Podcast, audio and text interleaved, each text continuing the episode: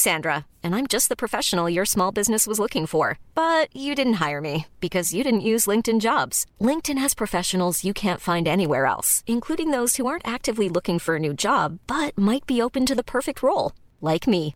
In a given month, over 70% of LinkedIn users don't visit other leading job sites. So if you're not looking on LinkedIn, you'll miss out on great candidates like Sandra. Start hiring professionals like a professional. Post your free job on linkedin.com/people today.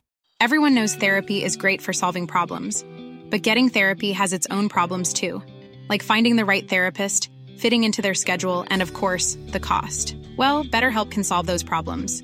It's totally online and built around your schedule. It's surprisingly affordable too. Connect with a credentialed therapist by phone, video, or online chat, all from the comfort of your home.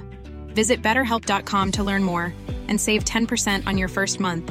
That's BetterHelp H E L P. Ryan Reynolds here from Mint Mobile. With the price of just about everything going up during inflation, we thought we'd bring our prices down. So to help us, we brought in a reverse auctioneer, which is apparently a thing. Mint Mobile unlimited premium wireless. Ready to get 30, 30, bit to get 30, bit to get 20, 20, 20, bit to get 20, 20, bit to get 15, 15, 15, 15 just 15 bucks a month. So, Give it a try at mintmobile.com slash switch.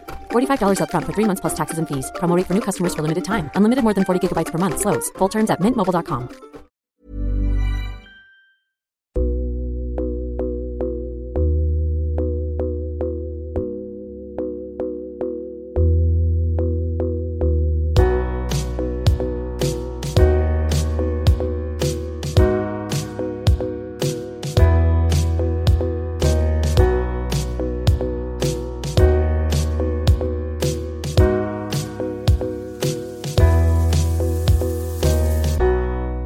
Du lyssnar på Säg vad du vill Åland, en lokal podcast med fokus på fria samtal. Jag heter Jannik Svensson och producent för podden är Didrik Svan. Vår podd består av mastodontsamtal. Vi vill ha långa samtal eftersom vi då får chansen att verkligen gå in på djupet. Idén är att fokusera på fria samtal. Det här är ingen debatt eller någon form av duell där det finns en vinnare och en förlorare. Det här är ett samtal där vi lägger fördomar åt sidan och där målet är att minska polariseringen. Vi tror att öppenhet är grunden för det demokratiska samtalet och vi vill uppmuntra dig som lyssnare att välja att exponera dig för samtal med någon du inte håller med om, hur triggad du än blir. Det kommer att diskuteras en hel del politik i den här podden och för att du som lyssnare ska slippa tänka på vad jag som programledare står politiskt kommer jag att med egna ord redovisa det för er. Jag tror på öppenhet även för min del. Min politiska bias, mina glasögon och min ideologi är frihetlig liberalism och jag är aktivt engagerad i politiken. Jag kommer att göra mitt bästa för att min partiskhet inte ska lysa igenom mitt uppdrag som programledare i den här podden. Men eftersom ingen människa kan vara objektiv så hoppas jag att ni med den här informationen kan åsidosätta mina eventuella brister och misstag. Det här avsnittet presenteras av Webax, hemsidor och innehåll. Jag heter Jannik Svensson och du lyssnar på Säg vad du vill Åland.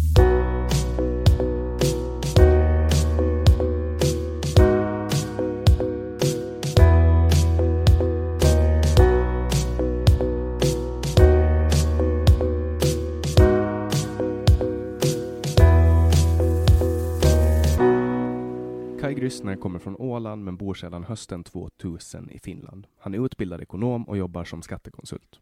Han väckte i våras stor debatt på Åland när han skrev en uppmärksammad gästledare i Ålandstidningen. Välkommen hit Kai Grissner. Tack så mycket. Vad handlar den här omtalade ledaren om? No, personligen tycker jag inte att den var så kontroversiell så jag blev ju lite förvånad över att det väckte så starka, starka känslor men att till syvende och sist handlar det bara om ekonomiska realiteter. Och det är ju någonting som jag skrivit om tidigare och jag är långt ifrån den enda som har gjort det. Men det som jag, och jag faktiskt den här gången för, jag försökte ju påpeka det att det här är inte egentligen ett ideologiskt inlägg. Okej, det finns ju alltid lite ideologi i allting man skriver men att, men att primärt var det ju egentligen ganska neutralt. Vi hade just haft ett val och Socialdemokraterna vann det och som, som det oftast är i val, oberoende egentligen vem som vinner, så, så tävlar man ju vem som kan lova mest åt, åt de flesta. Det ser man inte bara i Finland, det ser man egentligen i alla val. Presidentvalet i USA är ju en veritabel orgie i sådana här grejer. Och, och bland det här då, till, till det valet så kom regeringsprogrammet så konstaterar då Antti Rinne att vi ska höja de permanenta utgifterna med långt över en miljard. Och, och, och då är det ju det här att vi, redan nu har vi haft kron, har vi kroniska underskott liksom i, i miljardklassen, vilket är jäkligt mycket för ett land som Finland. Jag menar att vi har, som jag nu skrev då, att vi har snittat fyra miljarder eh, underskott de senaste tio åren och med underskott menar jag alltså hur mycket skuldsättningen har ökat. Vad, vad budgetunderskottet eller överskottet är så det, det är oftast fiktiva siffror. Det, det är egentligen ökningen av skuldsättning som jag ser som, som det primära för det är konkret. Jag menar, en, en budget är ju bara en prognos. Och det jag, för, det jag förde fram med här det var, ju, det var ett par saker. För det första, liksom, kroniska underskott oberoende om det är frågan om en privatperson, ett företag eller en stat är ju per definition inte hållbart. Förr eller senare tar pengarna slut. För en stat så är det ju, är det ju lite mer komplicerat än, än, än för en individ med principen om helt samma. Och det är klart liksom att, att det som också är problem för Finland och för många andra väl, välfärdsstater eller stater överlag är ju det att det kan, man kan debattera liksom om, om skuldsättning och det, det är kanske skillnad på skuldsättning och skuldsättning om man nu tar, tar lån för några stora infrastrukturinvesteringar, vilket heller är, är så imponerad av, men, men det, det, kan man på något sätt rationalisera. Det kommer ju kanske att löna sig liksom. Ja, precis, men det, det, det är ju inte otänkbart. Men, men det är ju inte det som Finlands eh, skuld handlar om mera och det har inte handlat på, på, på, på länge ännu utan nu lånar vi ju till konsumtion, till löpande utgifter som, som aldrig kommer, som inte har något på det sättet potentiellt att betala tillbaka sig. Och, och det är det som är det farliga när, när en stat går från att låna till enskilda stora investeringar som kan ha positiva ekonomiska effekter till att bara låna till de löpande utgifter som ska alltså täckas av, av, av skatteintäkterna. Och, är det här någonting som har hänt under lågkonjunkturen eller har man hållit på så här även under nej men högkonjunkturen som har varit nu eller har man hållit på så här även under lågkonjunkturen? Så där har man ju hållit på egentligen sedan förra krisen som var på 90-talet. Och, och, och, skuldsättningen i Finland fram till finanskrisen 2008 den ökar ju också ganska dramatiskt. Sen så har det, har det hackat en hel del eh, i, i, i den här skuldens utveckling år till år men trenden har ju varit densamma. Och eh, där kommer man ju sen till det att, att no, hur finansieras det här? Om det finansieras med att man, man tar då att, att staten lånar upp pengar på, på den internationella kapitalmarknaden och ju mer lån man måste ta desto sämre rating får man ju. Det är ju sånt som, som förstås kan ta, ta lång tid men att men det, och det här liksom, när man tar om tidsperspektivet som du också säger, att räntan är så låg nu, jo, men det kommer inte alltid att vara låg. Att, att det här tidsperspektivet har också blivit så kort. Och det finns ju ett, ett, eh, ett, ett känt citat då från, från, från Keynes, liksom när han säger att in the long run we're all dead. Och det, det, är sånt som folk tycker om att, eh, att citera, men det, som är kanske mindre känt är Murray Rothbards svar på det här. Och, och det, han, det han konstaterar var det att now Keynes is dead and we're stuck in his long run.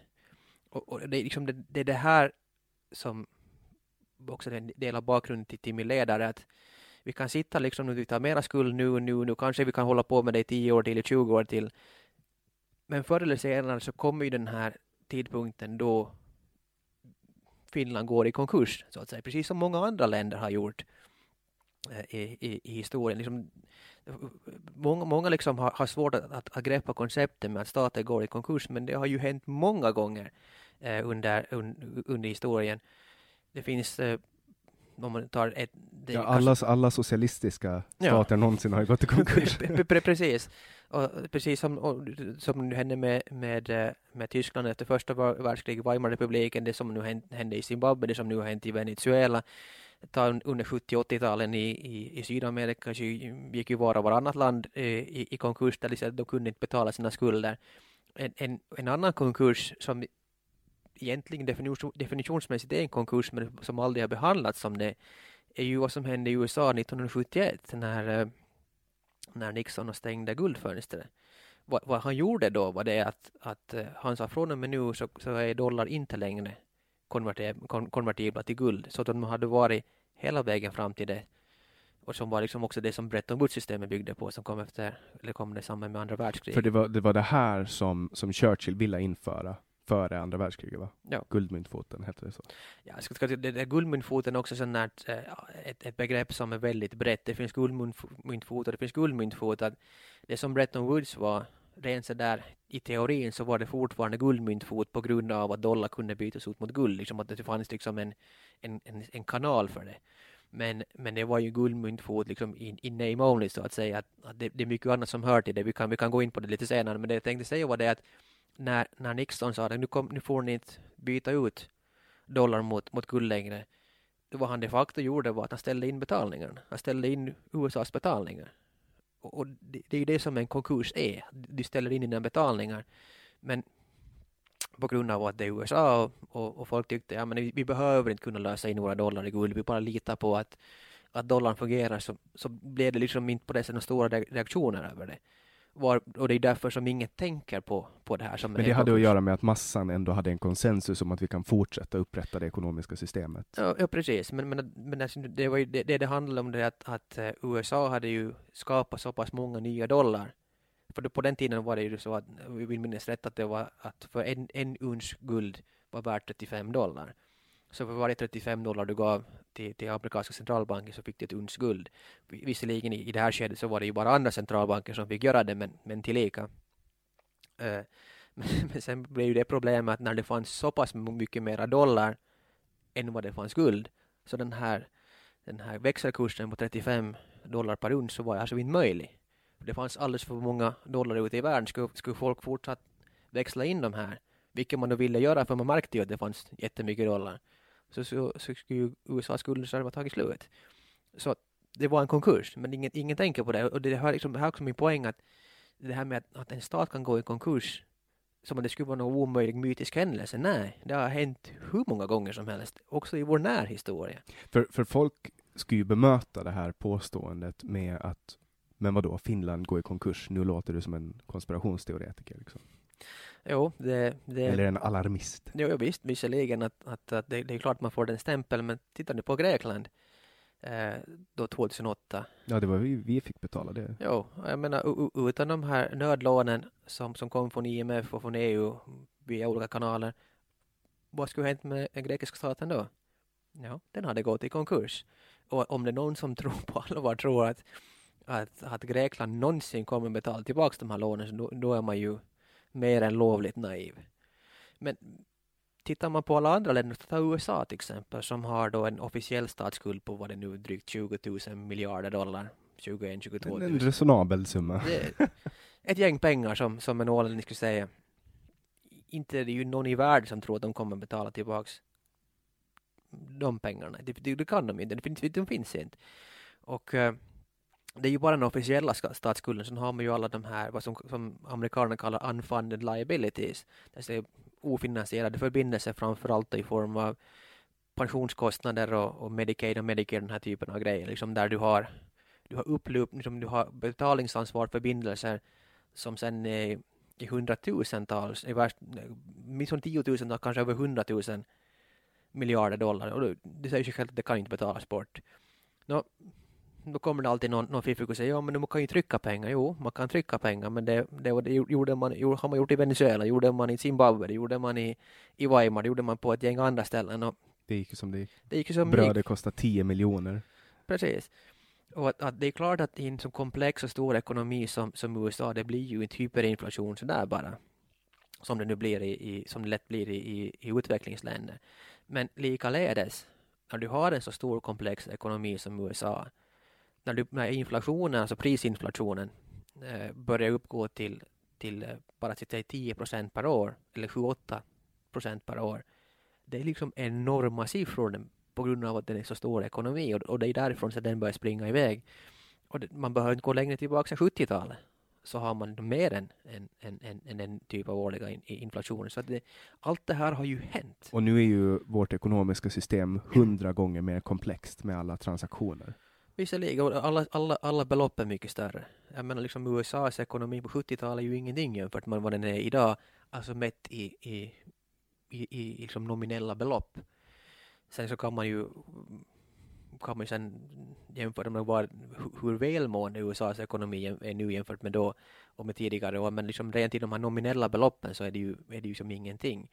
Och det ska man ju komma ihåg att, att USA och jag minns ända fram till 80-talet hade alltså en, en nettofordran på världen. De var liksom de, den största borgenären, långivaren i världen. Nu är det nu överlägset största låntagaren istället. Sådant kan ändras väldigt, väldigt snabbt och väldigt, väldigt dramatiskt även för stora länder. Men Finland har väl varit skuldsatta ända sedan andra världskriget? Vi hade ju extrema skulder till Sovjet. Jo, det där, jo, jo visserligen, att, att det är ju inte frågan om det att, att länder inte, inte klarar av att ha skuld. Det att man har skuld på, i balansräkning, det kan ju vem som helst klara av. Det i sig behöver inte vara ett problem. Det är det när, när skulderna ökar hela tiden år efter år efter år efter år. Men, och det här kommer då från politikers vilja att ge mera fläsk till folket? Ja, jag tror att det är en del av det, men jag tror det är mycket större bidragande orsaken än det som jag, som jag också tog upp i ledaren, det är att det är snarare oviljan att, att tala om, om de här realiteterna och, och vilka åtgärder det kräver, det, det vill säga omfattande nedskärningar i de offentliga uppgifterna. Och det var också det som jag försökte på, som jag tyckte poängtera ganska tydligt i ledaren också att det är ju klart att det är jättesvåra frågor. Det är enormt svåra frågor att börja titta på, på de offentliga utgifterna. Att vad, vad ska vi skära bort nu? Det är, det, och det sa jag, skrev jag rakt ut. Det är jättesvåra frågor. Men vi har politiker, framförallt karriärpolitiker och sen har vi ännu mera tjänstemän som har suttit på finansministeriet och andra ministerier i, i vissa fall i decennier. Och, och så har vi politiker som Erkki Tuomioja som, som har väl suttit i riksdagen sedan 70-talet, som har, som har som har varit liksom också i decennier i, i, i också i, i de höga positioner, ministerpositioner och så vidare. Då, då ställer man, och det var den frågan jag ställde, har, har, har den, den här ekonomiska realiteten med ständigt ökande skulder, har det, har det aldrig liksom diskuterats liksom i, de tänker ju bara fyra år i taget. Det är det som är problemet med folkvalda politiker. Med folkvalda politiker, jo, men med tjänstemän är det ju inte så. Och, och det, är, det, det som jag tycker är, är man ska skriva också, som är väldigt graverande är att in, inte bara har ingen tydligen tänkt på det här och, och funderat över det här, oroat sig över det här. När någon lyfter upp det på ett, igen, i mitt tycke, ganska neutralt sätt så blir det ju som en en mediastorm av det. Ja, du blev ju kallad eh, rå och kall och nyliberal och alla möjliga saker. Är du en rå, kall nyliberal?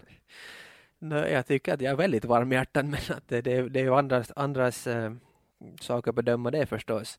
För det här retar ju verkligen gallfeber på vänstern.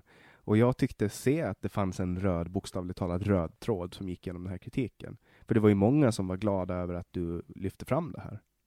Jo, och, och på sätt och vis så blev jag också positivt överraskad att det blev så mycket positiv respons ändå. Att, eh, det är klart att, att, om någon skriver någonting bra eller positivt i, i en Facebookgrupp så har det inte samma genomslag som när, när kansliministern, eller vad hon är för minister nu för tiden, skriver, skriver i, i, i lokalpressen.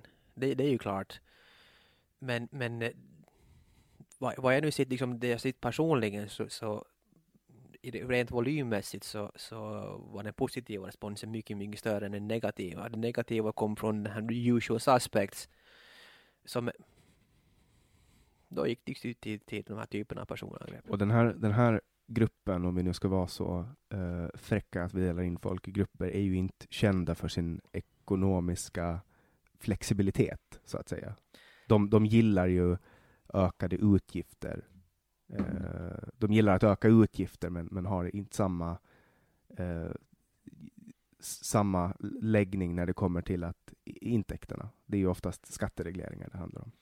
Så, så är det ju och och eh, det som de, vi talade tidigare när, när, när eh, Mikael Hancock var här så berörde han ju kort led, led, ÅTs ledare överlag och sen och min då eh, bland dem och, vad var det han nu han, han sa att han tyckte att det var paller, han, tyck, han kunde inte ta mig på allvar. No, det står det är ju så typiskt vänsterretorik. Men sen kommer man in på det som också är väldigt typiskt, att Mogers Lindgren har lite samma grej om sådana som försöker på något sätt visa sig vara seriösa, det som han sa att att skuldsättningsgraden i Europa eller i EU så är ungefär 60 procent och det är något som de flesta och, och ekonomer tycker att det är bra. Okej, okay. det stämmer. Eh, de flesta ekonomer tycker säkert det här, men problemet är att det är samma ekonomer som, som sen som 2008 tyckte att USAs ekonomi stod på en oerhört stabil, stabil grund, att, att eh, bostadspriserna kommer bara att öka och allting är, allting är hyvens som morgon. Så kanske det finns lite små... Man utgår från att de har rätt. Jo, det är sådana som människor som har haft monumentalt fel i, i princip allting de någonsin har sagt. Och, och den här och det är ju inget nytt fenomen heller, de går tillbaks till, till 1929 fanns en ekonom, han, en Chicago-ekonom som hette eh, Irving Fisher och på den tiden var han liksom den, lite som, jag, skulle, jag vill inte säga på den dagens Paul Krug, Krugman, men han var liksom en, en väldig auktoritet på nationalekonomi. Och, och, och han var så övertygad ännu 1929 att, att, eh, att den ekon amerikanska ekonomin hade nått en bestående hög platå. Han var totalt eh, ovetande om vad som var på väg. Han hade ingen aning om vad, vad, vad som höll på att hända. Kontrastera det mot ekonomer som Mises och Hayek. Som, de, de varnar för det där, men det är en sak att varna för någonting som får rätt. Lite samma som med Peter Schiff eh, inför mm, då 2008 finanskrisen, som han varnade för det flera år i förväg. Det är en sak att varna för någonting och sen blir du sannspådd att, den här, den här, att en, en, en trasig klocka har rätt två gånger i dygnet. Det var inte det de gjorde, det var inte det Mises och Hayek gjorde, det var inte det Schiff gjorde, utan de gick in i väldigt de, detaljerat förklarade varför det här kommer att hända. Uh, att liksom, det var inte bara att de sa att det kommer att krascha mm. någon gång, utan de förklarade i detalj vad som var fel med ekonomin, vad riskerna var, vad de berodde på och vad de oundvikligen leder till. Mm. Jag tycker det är jävligt häftigt att läsa Mises när man kan liksom på något sätt, det känns som att han har skrivit det nu, mm. fast han skrev det för skitlänge sedan. Det är som att det är en samtida analys, trots att det är liksom skrivet på, när, när var han aktiv? På 50-talet typ? Alltså han, han skrev ju, alltså det var före det att han, han, han, han, han skrev, han, hans doktorsavhandling så är från 1912 och mycket skrev han på 20-talet. Men han, do, var det, han dog på 50-talet? 40-50-talet? Ja, nu vill jag minnas att han faktiskt dog så sent som 73. Ja, han, han, levde länge, han levde länge. Alltså. För även på hans tid så, så hade man ju börjat kalla liberals, alltså vänstermänniskor för liberals. Jo, jo. Och han vill ju gärna ta tillbaks, eller ville gärna ta tillbaks liberal. Ja, för han, han var ju det som, som eh, kallas klassisk liberaler. Det är ju ett engelskt uttryck istället som då är annat än det amerikanska. Men, men, men där, en, en, om, man, om man liksom vill, vill se skillnaden på, på, på ekonomer och ekonomer eh, och vill ha lite mer modernt än, än, än Mises och Hayek så finns det en Youtube-video som, om man, om man googlar och skriver in Youtube eh, Peter Schiff Mortgage Banker Speech 2006 så då är det en amerikansk ekonom och, och börsmäklare och finans, finansman som heter Peter Schiff. Och han håller en föreläsning i Las Vegas, tror jag att det var, för Mortgage Bankers Association, alltså de personer som höll på med bolånen. Och han förklarar för dem väldigt detaljerat varför det de håller på med kommer leda till en krasch. Och det är det som är skillnaden. Han gissade inte att det blir en krasch. Han visste. Han visste det. Och, och det är en annan sak som, som, som folk också glömmer bort med, med ekonomer. Det, det, det, som, som det har blivit i tal om nationalekonom, nationalekonomer, att det handlar om att om spådom och att kunna veta när någonting händer. Det är inte det nationalekonomi handlar om. Nationalekonomi är studien, studiet av människan och människans agerande, varför människor gör det de gör och varför saker och ting händer. Så man förklarar varför vissa fenomen uppstår och vad de leder till och hur man då kan undvika dem. Att, att mm, vad heter den nationalekonomi är en deduktiv eh, vetenskap där man utgår från vissa axiom och sen drar man liksom härledningar därifrån. Och det, det, det, man, man förklarar varför någonting händer. In, man försöker inte gissa när någonting kan hända. Det är klart liksom som, som det var nu Peter Schiff, eftersom man visste hur konjunkturcykeln fungerar. Eftersom man visste vad hur, hur kredit, expansion fungerar och, och vad det har för, för konsekvenser. I och med att han visste vad, vad man höll på med, med på bolånemarknaden så kunde han liksom genom att tillämpa den här konjunkturcykelteorin säga att det där kommer att krascha. Men inte kan man ju säga, säga liksom exakt när, för det beror på så många olika saker. För det är väl alltid en masspanik som utlöser en, en krasch på något sätt? Alltså det, det, masspaniken kommer li, lite efteråt. Egentligen är det så, ta, ta, ta med bolånekrisen 2008. Så som med alla andra bubblor är det att, att du har pengarna kommer då initialt från centralbanken men det, det stora, själva bubblan skapas i bankväsendet på grund av, av, av kreditexpansion. Att man liksom av en tusen euros deposition så kan man skapa lån för 10 000. Liksom att, att pengarna liksom blåses upp från tomma intet in i, i själva bankväsendet. Och det leder till då att det är just den här typen av pengar som söker sig till, till eh, kapitalintensiva branscher och förstås att köper du ett hus så det är alltid kapitalintensivt för det kostar alltid liksom mycket i, i, i mängden pengar. Du kan inte köpa ett hus för 10 euro, det är alltid liksom hundratusentals, i vissa fall miljoner. Och, och det, är ju det var ju de lånen som, som, som primärt drev kreditexpansionen. Och då går det ju på det sättet när det hela tiden skapas nya pengar genom nya lån och folk köper nya, eller köper då eh, bostäder och andra fastigheter så stiger ju värdet på fastigheten för man skapar den här artificiella efterfrågan. Men förr eller senare så stiger priset så mycket att efterfrågan mattas av. Och det är egentligen här, där brytningspunkten kommer att när prisnivån på någon specifik tillgångslag, som till exempel fastigheter, nu i det här fallet specifikt bostäder, har stigit så pass mycket att det inte längre finns den efterfrågan. Man ser inte längre liksom den potentiella upsiden längre. Och, och liksom skuldsättningen, det skuldsättningen man måste sätta sig i för, för att skaffa de här, eh, köpa de nya bostäderna blir för, för hög. Att man helt enkelt antingen inte vågar ta så stora lån mera, man tror inte att det, kan, att, att det kommer sti, hinner stiga så mycket att man, man kan, att man kan eh, eh, amortera på de här lånen, betala räntorna, då börjar efterfrågan mattas av. Och när den mattas av, så du, du har liksom en väldigt snabb rörelse uppåt som stannar lite, lite som man kan se det som en, eh, en berg och dalbana när du, när du eh, ha, kommer först ner från en hög topp ner i dalen så far du upp till, till, på nästa, nästa backe. Så du har ju jäkla fart när du är ner, nere i dalen så blir det, kort, blir det saktare och saktare, saktare tills du kommer till nästa krön.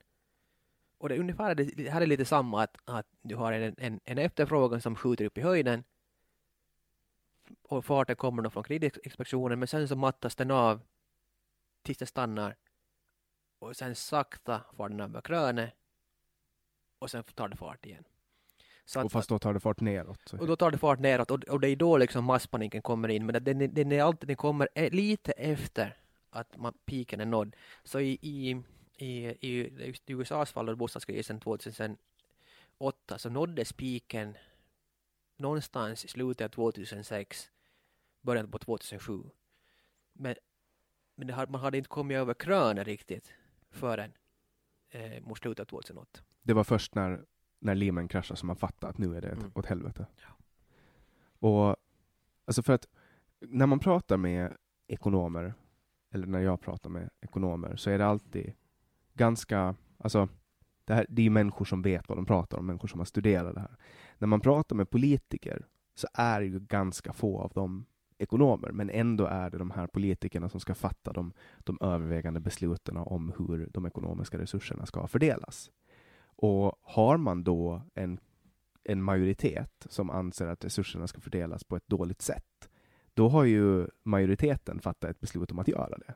Och, men, men kollar man till exempel nu på, för jag, jag antar att det är majoritet som har ansett att, att det är bra att Finland belånar sig på det här sättet? Eller vad, vad är liksom grunden, vad är liksom drivkraften till att man har gjort det?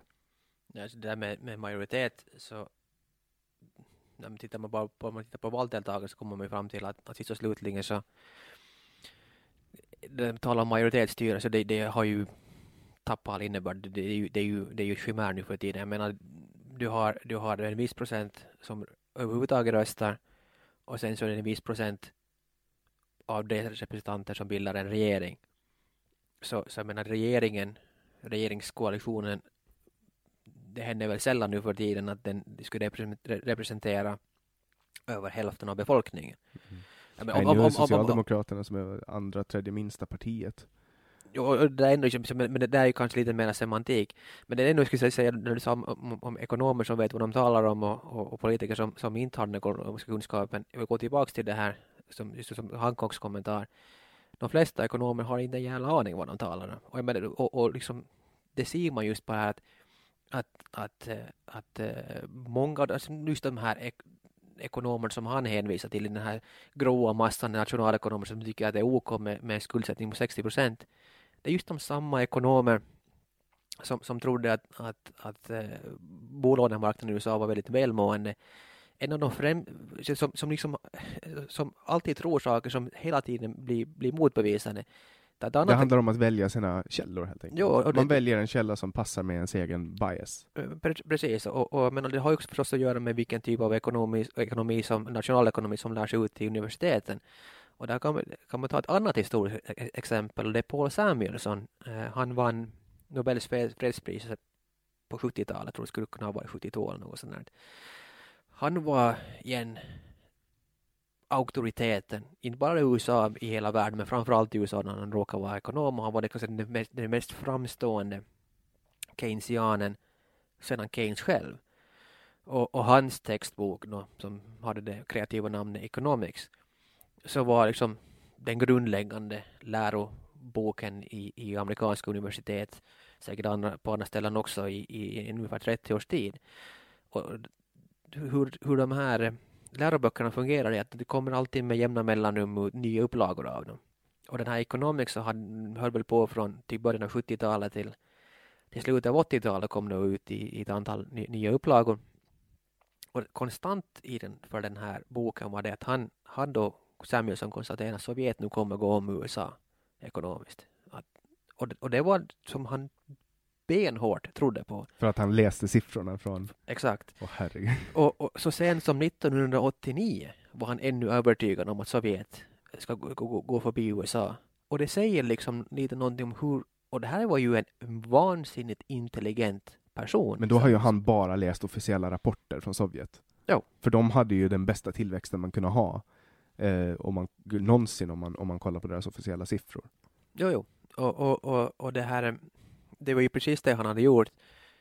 Men, men liksom att, att, att, att det, är ju, det är ju på det sättet intressant, det här är ju kanske det mest uppenbara fallet av, av man kan ju inte förstå hur det där är möjligt. Liksom den, här, den, här, den här gubben, oerhört intelligent, oerhört väl, välbeläst, liksom, han är ett matematiskt geni. Alltså jag, jag antar att hans, hans IQ var säkert närmare 150. Skulle inte förvåna mig. Och han fick det här så totalt monumentalt fel. Men var det en ideologisk drift som det, gjorde att det, det blev så? Det, det, har mycket med det att göra. Då tittar man på, på, på, på liksom vad keynesianer normalt liksom, överlag har föreslagit för att åtgärda eh, recessioner och depressioner. Paul Krugman som, som då är kanske den kändaste ekonomen idag, han hade, det finns en, också en en, en, en video på, på Youtube som jag rekommenderar att alla tittar på bara för att liksom se hur, hur de här människorna tänker. Och det, det kan, man, kan skriva in Paul Krugman Space Alien Invasion. Och där är det han, alltså, han, intervju, han blir intervjuad i ett ekonomiprogram och så de, de hade under, under USA just efter den här finanskrisen de funderade vad, vad ska vi göra nu, liksom, hur, hur, hur ska vi lösa det här? Vad var Krugmans lösning? Jo, han föreslog att han sa att det skulle vara bra om NASA eller någon annan skulle kunna lura det amerikanska folket att det står liksom en utomjording, en alien fleet parkerad utanför månen någonstans, redo att invadera jorden. För att får man, skulle man få folk övertygade om det här så skulle ju alla hämningar på offentliga utgifter försvinna. Då skulle man kunna liksom, då skulle amerikanska staten kunna spendera hur mycket pengar som helst. Och, och, och skulle de göra det, då skulle den här krisen vara över på en, eh, 18 månader, sa han. Liksom att det, det var alltså det här var den lysande K eh, Krugmans förslag till hur man löser en finanskris. Bara det borde ju säga någonting liksom om, hur totalt verklighetsfrånvänd den här människan är. Men igen. Men han här... förstår ju på något sätt ändå att det är folkets acceptans som krävs för att kunna genomföra den här extrema ökningen i, i eller alltså eh, förändringen i statsbudgeten som alltså, krävdes. Så, så är det förstås i, i, i demokratin, men liksom igen, det bara visar liksom när, när man talar om ekonomer, man ska vara jäkla specifik med vilka ekonomer man talar om. För, de, för Krugman representerar ju vad som kallas mainstream. Att det Mm. här är ju, alltså kanske inte, jag skulle inte säga att alla ekonomer skulle tycka att, att det där var en bra idé, men att det är det där liksom, de ekonom, de här, när man talar om ekonomer, en grå massa, det är det här de tycker att det är smart. För, för jag menar, kollar man på, på till exempel fundamentet i tanken bakom 1984 så handlar ju om att, att det är tre nationer som hela tiden är i krig så att Mm. produktionsmedel alltid, det behövs alltid mera som produceras och det är alltid produkter som förstörs och människor är alltid i en sense of urgency och är alltid beredda att ge sitt yttersta för sitt land. Så det låter ju som en ganska bra idé att lura folk att, att man ska invadera. Det, det är ju en bra idé om du liksom sitter på rätt ända av det. Ja. som, som nu Krugman då till exempel gör. Och, jag menar, det ser man ju, USA har ju en, har ju en väldigt blodig historia med sånt här. Att, att ta nu det som nu hände efter, efter, efter eh, äh, BTC-bombningarna 2001. Det, det var ju årsdagen här nu. När var det i tisdags? När det nu var tisdags, tisdags onsdags. Att äh, vad, som, vad som hände i USA efter terrordåden i, New York och, och, och mot Pentagon. Patriot Act kom. Eh, Department of Homeland Security kom. Man minskar människors frihet och ökar statsbudgeten. Yes. Och, och sen föl, följde förstås de eviga krigen. Och det här är ju jättebra för vissa. Men jäkligt dåligt för den stora massan. Det är ju som att genomsnittsamerikanen har, har fått, fått det bättre varken ekonomiskt eller, eller rättighetsmässigt efter det här. Men däremot finns det en hel del personer som vinner på det, till exempel alla de som råkar vara anställda av Department of Homeland Security och CIA och NSA och all... Och alla de privata företag som säljer tjänster till de här myndigheterna. Absolut, absolut. Så det är ju kapitalisternas fel, det hör du ju själv. Jo, det, det är just det där liksom att, att eh, det, och det här kommer man sen till de här orden liksom, det som det som gör politisk diskurs i, i praktiken omöjligt när man inte kan, kan vara överens om vad ord betyder. Och, och det första är ju höger och vänster, att vad betyder höger och vänster? Nå, för, för nu, nu, nu talar man ju så höger, att nazister och fascister är höger och kommunister är vänster, vilket är en totalt förnuftsvidrig definition på det om du vill göra det så enkelt, jag tycker att, att vänster-högerskalan egentligen är fullt tillräcklig. Man behöver inte ha liksom massa andra dimensioner på den. Men, men om man nu har en endimensionell skala så borde det ju följa av logiken att den ena ändan är den andra ändans motsats. Mm. Det borde ju, Eller bara så här, den ena ändan är dum i huvudet och den andra är bra. ja liksom, precis, men, men liksom att det- ska vara, det, det kan ju inte vara att den extrema ändan är samma som den andra extrema ändan. Liksom, det ska ju vara, då, då, är det ju, då är det ju inte en endimensionell skala längre utan då är det en cirkel. För jag översätter ju bara min syn av, av höger-vänster-skalan är att på höger så är man individualist och på vänster så är man kollektivist. Precis. Det är liksom, för mig är det skalan, men sen säger ju folk alltså det är ju också skillnad på en höger, en högerextrem och en vänsterradikal. Ja, men Och- det, det är då man kommer in på, på helt onödig semantik vars enda och sofisteri, det en- enda som, som, som är meningen med det är att, att göra debatten grumlig. Man säger att du har, du har individualister höger och kollektivister vänster, det är ju i sig helt världneutrala saker på sätt och vis. Liksom att, att ingen säger att det är bättre att vara det ena eller det andra. Men liksom att det här är nu, bara för att vi skulle kunna diskutera på ett vettigt sätt så, och, och, vi- och vi håller oss till den endimensionella skalan så då är vänster kollektivism, höger individualism. Om man nu vill kan man säga att vänster är individualism och höger är, är, är eh, eh, kollektivism, men, men liksom, För man brukar ju säga att vänstern är progressiv och högern är konservativ jo, men, men det är också ett ord som inte egentligen tycker jag bety, betyder, jag, jag tycker ju inte att vänstern är progressiv. Alltså om, Nej. om progressiv betyder att man kommer på nya sätt att, att eh, spendera offentliga medel, då är de kanske progressiva. Jo, men liksom, det är just att, att, ord som just progressiv och konservativ, de, de är redan lite för komplicerade. För, för de kan sen betyda precis vad som helst.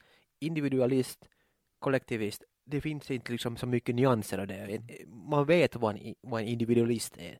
Man vet vad en kollektivist är. Att liksom, För, för där är ju alltid, det är ju alltid svårare att vara höger.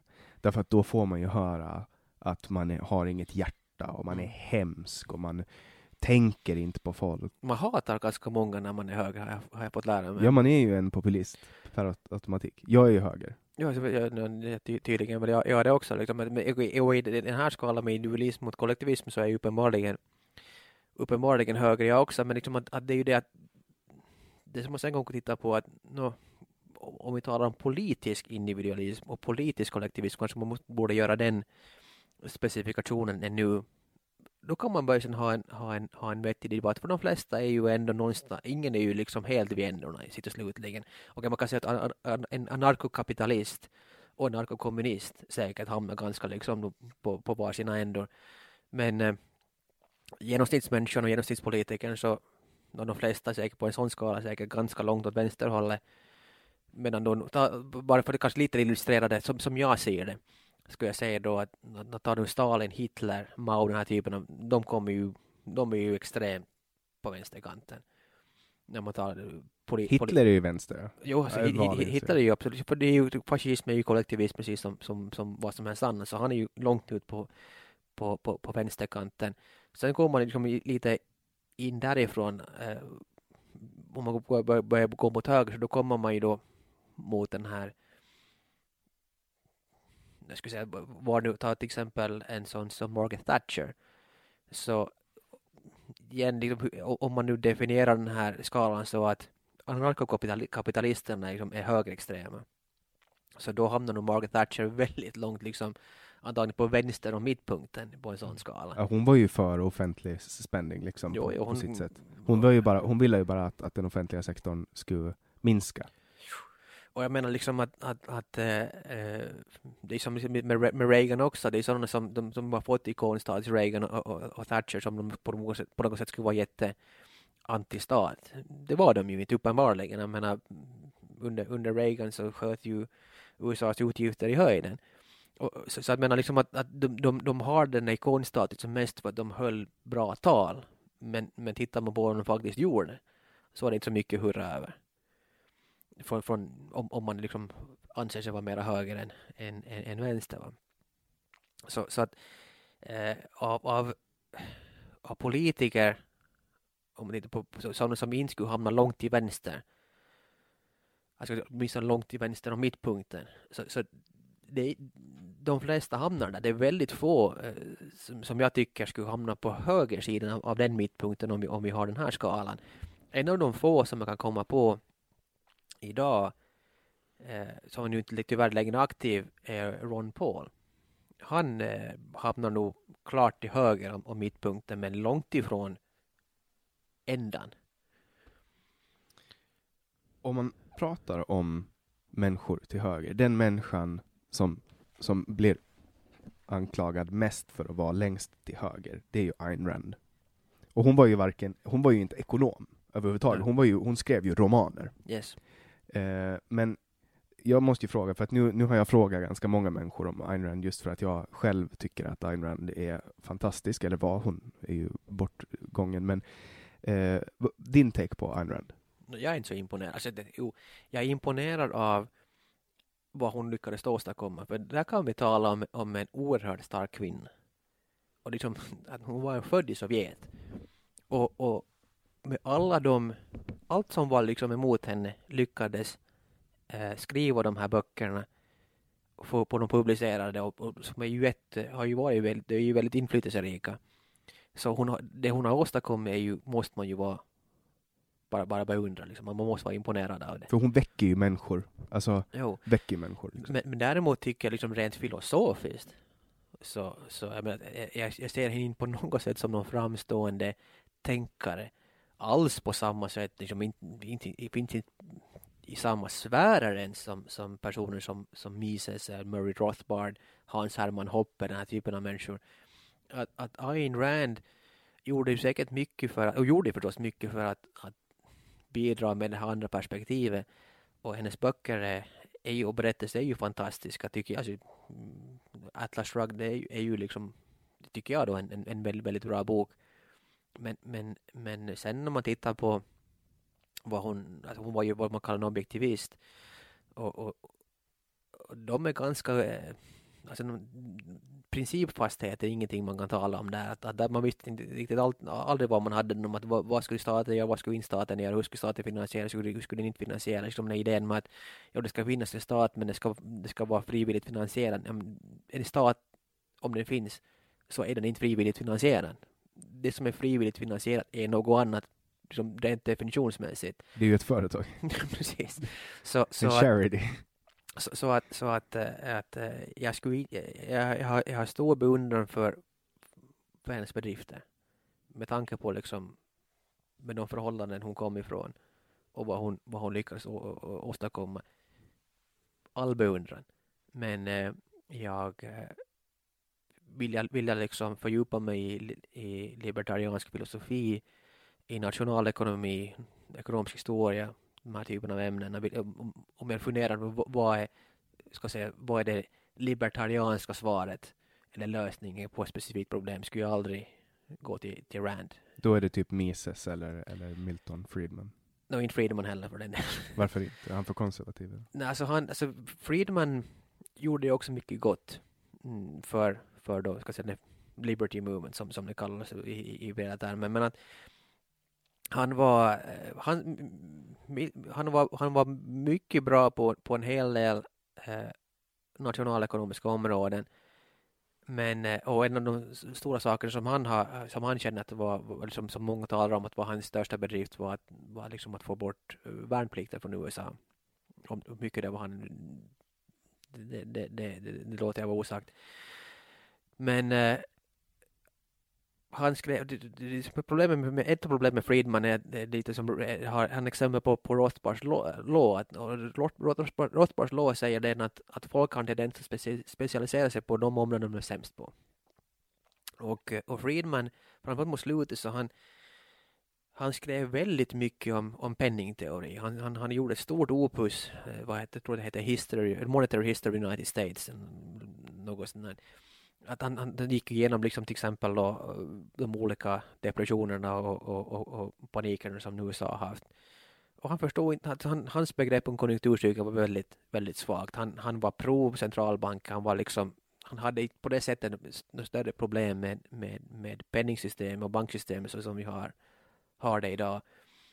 Att, att han var ingen kritiker av, av, av The Fed till exempel, så som man tänkte på Ron Paul som hela hans, hans grej var att NFN och, och, och mycket av österrikarna, de österrikiska, alltså den österrikiska skolans ekonomer, så en stor del av deras konjunkturcykelteori in, in, innehåller ju kritik mot både centralbanken och bankväsendet som sådant. Och, och, och det där, där var Friedman sig inte alls bra på. Han var jättebra kommunikatör, han var jättebra på att förklara saker eh, ur ett libertarianskt perspektiv och folk brukar förstå.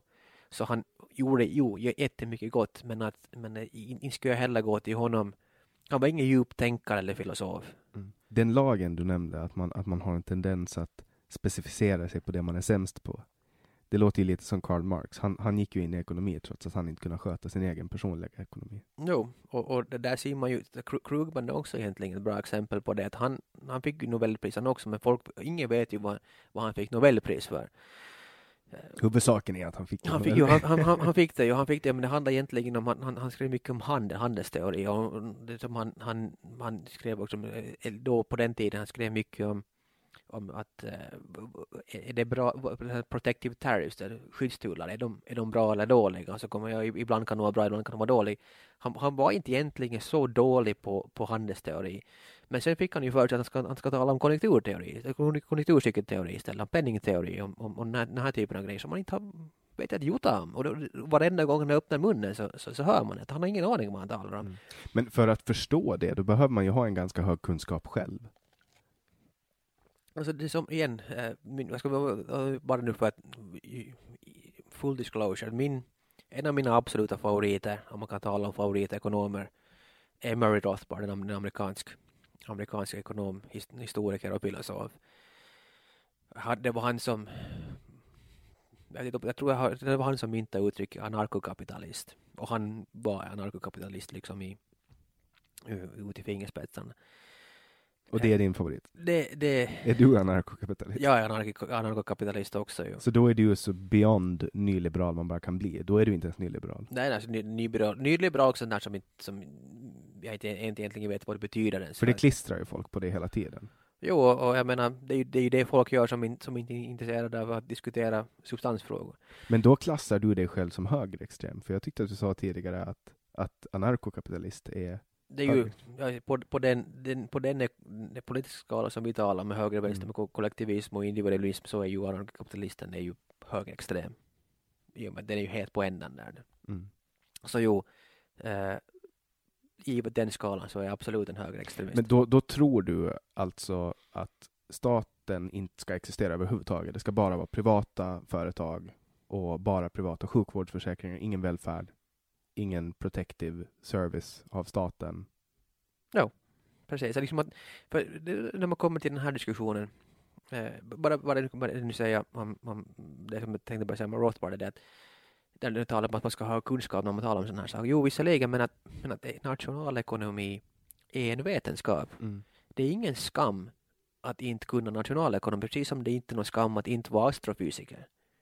Men om man inte kan, om man inte har gjort sig besväret, som jag till exempel antar Hancock aldrig har gjort, om man inte- aldrig gjort sig besväret att läsa in sig på ett område, Ja, Han är ju journalist och musiker. Liksom. ja, så, så då, då ska man inte ha massa tvärsäk, tvär, tvärsäkra åsikter om det heller. Jag menar, jag, jag, skulle all, jag skulle aldrig falla mig in att, att börja skriva om att hur, hur universum egentligen fungerar. För jag har ingen aning om hur det egentligen fungerar. Det, jag har aldrig studerat fysik. Alltså, än, ännu mindre eh, kosmologi och, och, och, allt som nu finns där.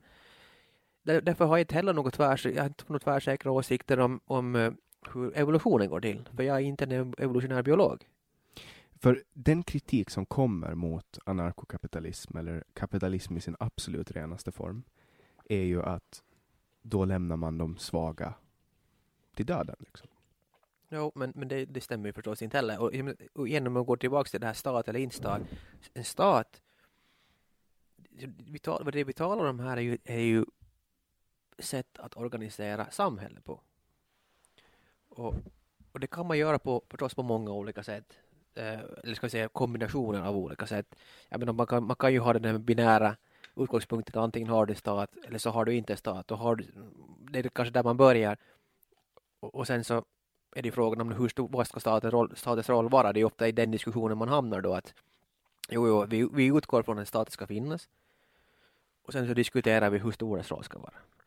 Nå, eh, det som den anarkokapitalistiska eh, synen är ju den att det ska inte finnas en stat och, och det är egentligen i, i grunden så är det ett, ett moraliskt argument i och med stat ett, är ju nog ett, ett våldsmonopol, det bygger liksom definitionsmässigt på tvång en stat som inte har, kan tvångsmedel är inte en stat. Och, och, och liksom tvång och våld är, är omoraliskt. Det, det, det innebär en, en kränkning av, av, av eh, de negativa rättigheterna. Och när vi talar om, då kommer inte vad är rättighet. De- Det finns, man skiljer på negativa rättigheter och positiva rättigheter. Är du anarkokapitalist så erkänner du existensen bara de negativa rättigheterna. Och de, vad de är egentligen, det, och det som egentligen i sig kommer från egendomsrätten. Alltså rätten att inte få stryk. Ja, rätten att, precis, rätten att inte bli dödad, rätten att inte bli fängslad och kidnappad mot, mot din vilja och, och, och, rätten att inte bli misshandlad, rätten att inte bli våldtagen, rätten att inte bli stulen av och så vidare. Det vill säga sådana rättigheter som inte innebär en kränkning av någon annans rättigheter. Det, det, det, det, är att, det är att du inte får slå mig eller ta, ta min mobiltelefon eller sticka kniven i mig. är ju ingen, det är ju inte bort från dig på något sätt. Mm. Det, det påverkar inte ditt liv. Men, men om jag säger att jag har rätt till, till sjukvård så då är det någon som måste förse mig med den här sjukvården. Antingen direkt genom att man helt enkelt tvingar en läkare att, att sköta mig eller då så som, som det nu förstås är att man via, via skattesedeln finansierar den här, den här tjänsten. Man plundrar. Ja, Med hot om våld. precis. Så, så jag menar liksom att, att, att det, det, så det första liksom när när man talar om anarkokapitalister, det första eh, orsaken till varför man är emot stat, så är just det här moraliska. Sen kommer man ner till li- lite, ska säga, mindre högtflygande eh, mo, vad heter orsaken till varför man, varför man motsätter sig det. Det är det här nästa fråga som man alltid får när man säger att man är kapitalist. Hur ska du lösa det här, det här, det här? Hur ska du organisera det här, det här, det här? Och hela poängen Ja, att marknaden gör det. Ja, liksom, och hela poängen är ju den att det finns inget, inget rätt svar. Alltså, det, finns, det finns inte ett korrekt sätt att förse människor med sjukvård. Det finns inte ett korrekt sätt att förse dem med utbildning. Det finns inte ett korrekt sätt att förse dem med skor. Nej, men det är väl marknaden som Ja, sköter precis. det åt folk. Exakt, och, och, och det här är också den, liksom, för att om du har en stat, framförallt om du förespråkar liksom en, en stat med en stor roll, i, som, som vi nu har, en välfärdsstat som, som vi nu har här i, i Norden till exempel. Implicit i det är att det finns människor som vet hur saker och ting ska organiseras. Men de människor existerar inte. Planekonomer. Ja. Och, och där, det, är ju en gradfråga. Titta, titta, på hur det var i Sovjet. Så där var det ju politruker som bestämde exakt vad som, vad som skulle produceras och vad det skulle göras och hur det skulle göras. Men de hade ju ingen aning om vad de höll på med. Det, det, det talar om, om kunskap man helt enkelt inte kan ha. Ingen, ingen enskild människa eller grupp människor kan veta de här sakerna. Men när man ger dem makten att försöka, det är då problem uppstår. Eh, och det här något som, som Hayek kallar, kallar pretense of knowledge. Att du, du tror dig veta, men du kan inte veta det. Och, och något som, som det, ett, de bäst uppenbara exemplen på det i, i moderna världen så är just centralbankerna. För vad gör centralbanken i USA till exempel? Den bestämmer vad räntan ska vara och bestämmer också egentligen vad penningmängden ska vara. Det har väldigt stor liksom, inflytande över, över, över mängden pengar. Hur i hela fridens namn ska en person, om det sen är Greenspan, Bernanke, Yellen eller Powell, veta vad, vad räntenivån ska vara. Det går inte att veta det. Så vad du än sätter den till så kommer det vara fel. Mm. Det kommer vara fel åt det ena eller det andra hållet men det kommer att vara fel. Och, och när, du när du centralplanerar någonting så eh, viktigt och centralt som räntan, Och då Så- snackar vi alltså styrräntor. styrräntor som, som i sin tur sätter priser på pengar. Då, liksom, då har du centralplanerat i princip hälften av ekonomin. Men vad händer om man sätter styrräntan fri då? Eller räntan fri? Då kommer den bestämmas av, av tillgången och efterfrågan på sparade medel. Men det går inte att spekulera i var den ska hamna då?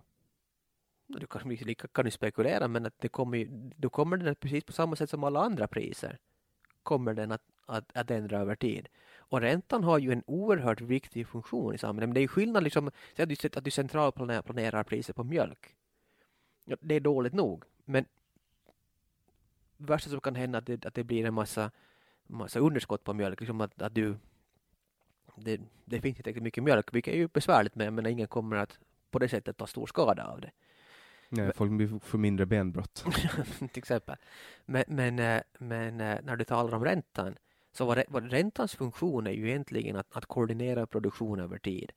Och vad räntan anger är liksom det, tillgången på, på, på kapital, det vill säga hur mycket folk har sparat. Ju mer folk sparar, desto mer kapital finns tillgängligt och priset på det sjunker, vilket betyder då att, att räntan också sjunker. Det är sedan en signal åt producenterna, liksom företagen och de som producerar de saker vi konsumerar.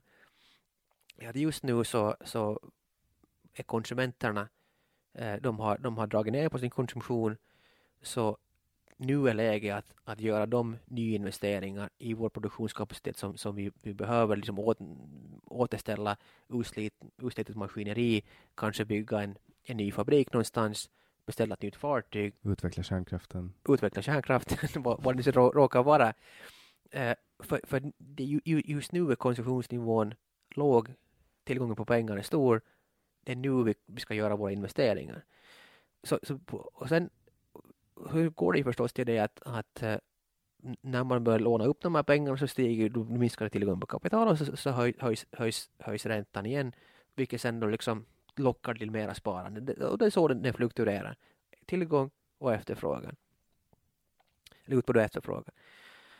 Eh, och, och det här liksom hjälper då entreprenörer, företag att planera sin produktionscykel.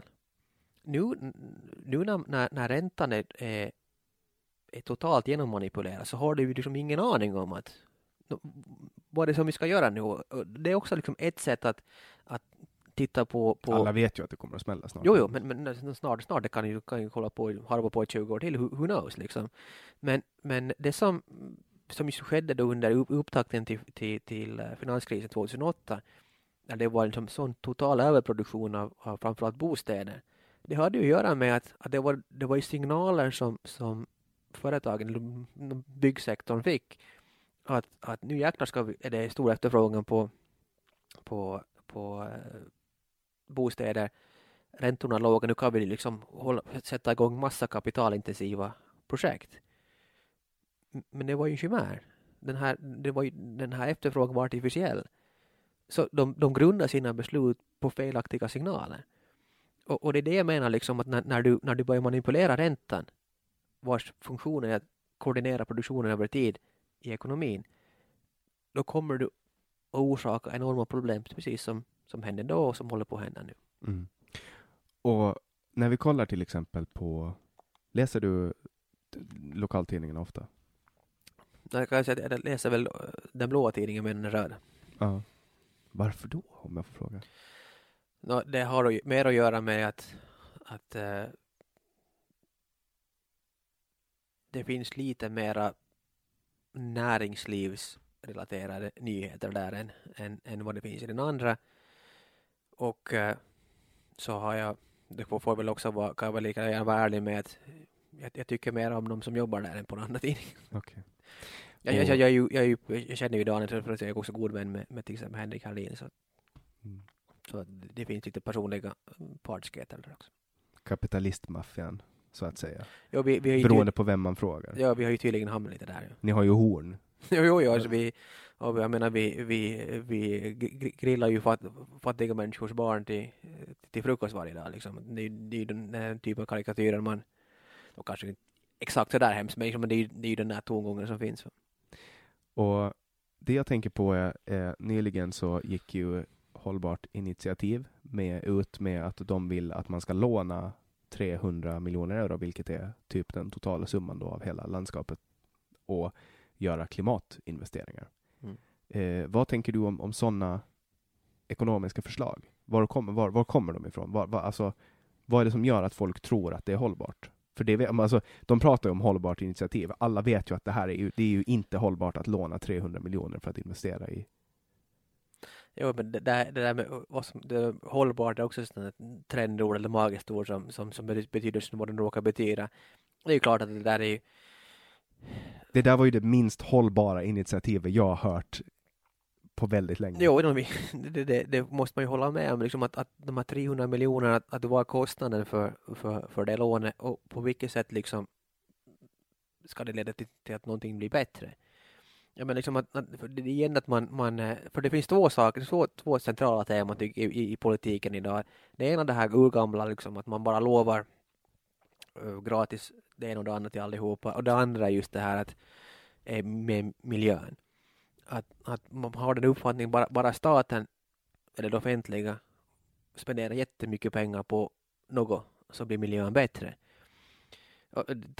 Green New Deal som, som, som hon här Alexand alltså Alexandria Ocasio-Cortez har eh, lanserat av USA som, som alla andra, de, de flesta åtminstone av, av hennes partikamrater har omfattat på ett eller annat sätt så är också det att, att staten ska spendera liksom bara, tu, bara staten spenderar tusentals miljarder på, på, no, på, på grön energi så, så blir allting bra. Alltså det man gör är att man, man eh, redistribuerar skattepengar in mm. i rika kapitalisters fickor. Ofta går det på det sättet att jag menar mottagarna av de här, de här pengarna är ju sällan fattiga, fattiga människor. Precis, Precis att det, det, det, är ju, det, är ju, det är ju som som kallas cronyism, att, att det, du har dina, du har dina lakejer, dina, dina, dina, de som, dina stödtrupper och, och när du, när, när du är den som kommer åt äh, skattkistan, nyckeln till skattkammaren, då klart att, att du belönar dina vänner. Liksom. Men på det sättet, på sätt och vis så är ju det en av de mest mänskliga impulser som finns.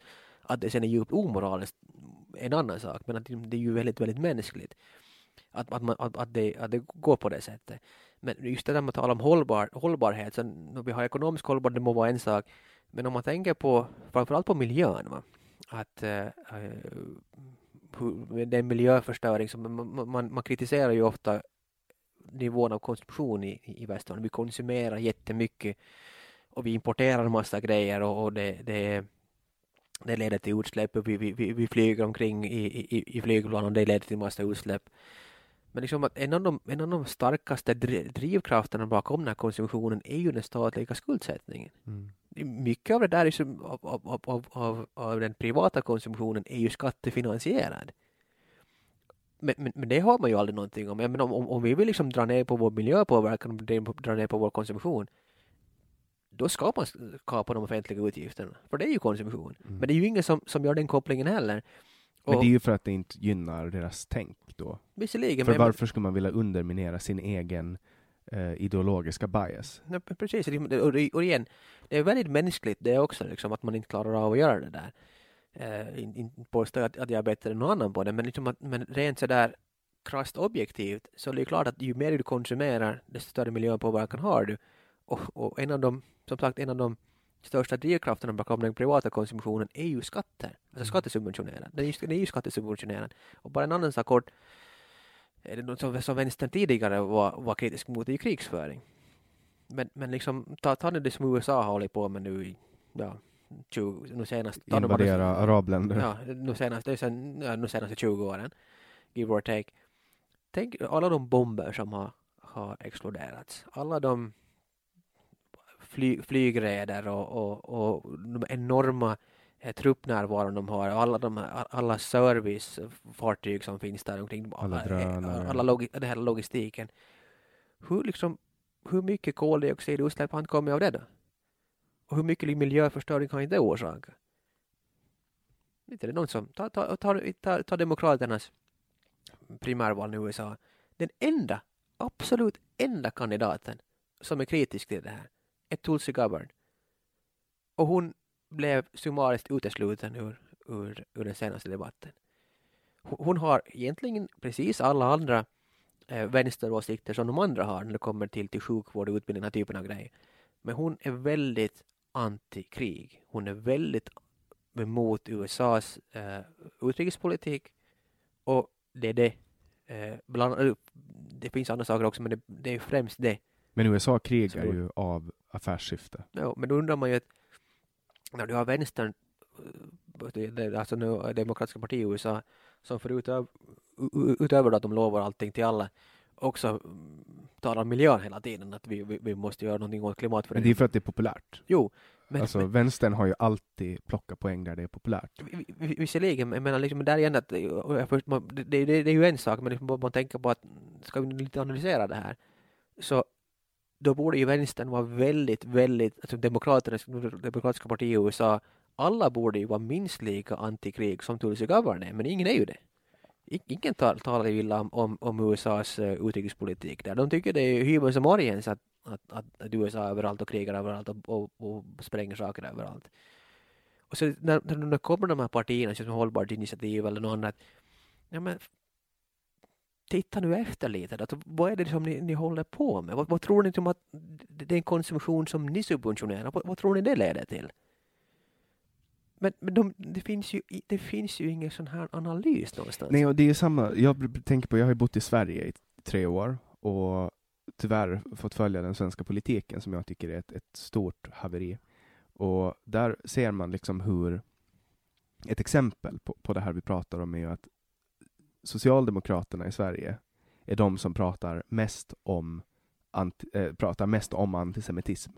Men det är de största antisemiterna. Man, man, man liksom pratar hela tiden om att rasism och, och speciellt då judehat, det är liksom, man fördömer det starkt och nazism och man har gjort ett jättestort nummer av enormt, extremt få nazister. Det finns ju jättefå nazister i Sverige. Men man har pratat jättemycket om dem och man har blåst upp dem som ett hot. Men samtidigt så är Sverige, alltså Socialdemokraterna, det absolut mest antisemitiska partiet i, i hela Sverige. Och kolla bara på Margot Wallström som har fått gå nu. Hon är ju klassad eh, som åtta, eh, den åttonde värsta antisemiten av, av vad heter Simon Wiesenstahl Center eller något sånt. Det är ett, ett institut som, som varje år rankar antisemiter. Och hon kom väldigt högt upp på den listan. Eh, jag ser ju det här som någon form av, alltså för att det har ju väldigt länge varit väldigt populärt att fördöma nazism. Det är väldigt populärt att fördöma rasism. Det är väldigt populärt att eh, vara i klimatrörelsen. Och klimatrörelsen nu är ju på samma sätt som antirasismen var för tio år sedan. Då var ju antirasismen det absolut mest, det som var inne. Det var ju väldigt populärt. Och kollar man innan så har ju det, det har ju funnits andra saker som har varit populära, som har varit någon form av det ämne som är på alla släppar. Och jag trodde ju att allting skulle vara över när rasistdebatten tog slut. För alla märkte ju att nu är den slut, men nu har liksom klimatrörelsen kommit istället.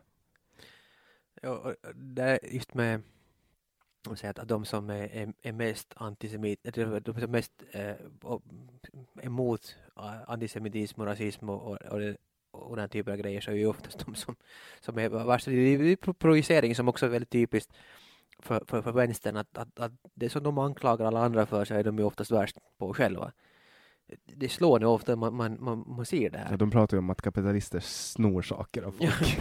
Precis. Men, deras ekonomi går ut på att sno saker av folk. Det, det, det är ju så farsartat att man, att man vet inte var man ska börja ens. Men just den här totala avsaknaden av det var ju, det var ju lite det som nu kom efter, efter min ledare, att, att eh, det är framförallt det som Fällman skrev, men vissa andra också, att det var ju inte som att någon försökte liksom visa att nej, du har fel på grund av det här. Vad var det kamrat Fällman skrev? det var ju också det där liksom att, att, att det, där, det är rått och kallt och, och, och lämna folk att, att, att klara sig själva och dö i rännstenarna. Typiska, typiska. Det fanns ju ingen, ingen tillstymmelse till, till, till att, att titta på vad, vad det nu skrev och, och vad, vad var de sakliga felen i det. Och, och, och det var ju också det här det som, som, som kanske var det ideologiska inlägget, eller moral, vad man vill kalla det, var det jag sa att jag konstaterade här att, att på vilket sätt är det moraliskt, moraliskt hållbart, om vi vill använda det ordet hållbart igen, att du genererar en massa skulder som du har någon annan att betala. Ja, det är barnen bara som får betala. Ja, och jag menar liksom det här är ju det att det tycker jag är en väldigt legitim fråga att ställa, men det är ju inte någon som, som har, har velat svara på den. Det, det kan jag förstå, det är inte en lätt äh, fråga att svara på, men borde det inte ge lite liksom orsak till eftertanke? att när, när, när det alltid har varit, lite karikerat, alltid varit föräldrarnas främsta förhoppning att barn ska ha det bättre än själva. Liksom, det, det är det man alltid hör och så upplever jag att det har varit på, på, på, på den personliga, personliga planet. Att, att nu, när svängde det här? N när, när liksom blev det OK att, att, att äh, lämna en sämre värld efter sig än, än, än vad man hittade? Och det är det som också, som, som, som de kommer till, till klimatrörelsen och talar om att, att, att hur, hur, kan ni lämna en sämre värld efter än, än ni fick? Men det här måste ju på något sätt ha att göra med att patos alltid är starkare än logos. Det är alltid mycket lättare att köpa känsloargument än faktaargument. Naturligtvis, för jag menar, känsloargument behöver du inte tänka jag menar, nu, nu, nu, igen att, liksom, eh, jag försöker vara försiktig med det där. Liksom, man, man, ska, man ska överhuvudtaget vara försiktig med att, att liksom dumförklara andra människor. Men, som, som tyvärr ofta händer. Till exempel, alla, ta nu Brexit-debatten till exempel. Det, det, det som man hör hela tiden, de inte hade de någon aning om vad, vad, de, vad, vad de röstar för, inte visste de, därför man inte kan ha folkomröstning, för folk fattar ingenting. tycker jag är väldigt arrogant som om, som om äh, våra politiker skulle, skulle veta bättre än oss någonting. Varför skulle de göra, göra det? Det handlar, ju om, det handlar ju i grund och botten om en vilja. Ja. Vill man vara en del av EU eller inte? Precis, jag menar liksom att sen så, så det att, att de, de har ju också, alla som röstar för Brexit har ju förstås utmålat till att antingen är de dumma i huvudet, de är lantisar, de är bondläppar, de, de fattar ingenting, de är osofistikerade, obildade, rasister och, och, och, och det ena med något. Liksom den här, det sättet som, som framförallt då vänstern talar om sina meningsmotståndare är ju oerhört obehagligt. Och, och det som man nu såg då i, i kamrat Wellmans inlägg. Men igen, det tog tillbaka den här frågan att, att på vilket sätt är det här OK? Att lämna efter sig ständigt ökande skulder som någon annan. Att, att jag konsumerar nu på kredit och det är det jag lämnar efter mig till, till nästa generation. Ni får betala för det som jag har konsumerat upp. Det är omoraliskt åt det hållet och dessutom så är det ju leder det till, till negativ miljöpåverkan om, om vi går in på det spåret. Va? Men, men kanske du och jag ska starta ett parti som heter Ekonomiskt hållbart initiativ. vi hinner ju fortfarande, listorna ska vara inlämnade nu. Vi spelar in det här nu, eh, vad är det för datum idag? Fredagen är 13. Det är fredagen den 13 idag, så vi har ju liksom två dagar framför oss om vi vill göra ekonomiskt hållbart initiativ. För du tycker ju inte att jag ska ställa upp i Liberalerna. Alltså, jag, jag förstår inte varför du har valt liberal. Liksom, det, det, det var väl det jag, som vi talade om tidigare, att, att eh, jag menar jo, jag inser ju att det finns ju något parti på Åland som på det sättet ens är i närheten av, av, av den, som är så långt högerut som du är, om vi går tillbaka till vår, vår ursprungliga skala. Och jag har ju och skillnaden mellan partierna, ju mindre ställen desto mindre skillnader kan man väl säga, men att om vi ställer den här frågan, varför Liberalerna istället för till exempel Moderaterna?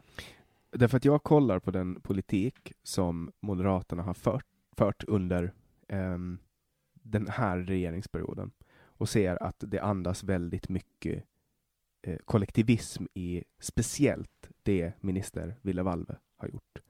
Eh, och de röstar igenom en lag som, som Valve var ansvarig för om till exempel e-cigaretter, där marknaden har tagit fram och erbjudit det absolut bästa rökavvänjningsverktyget i historien.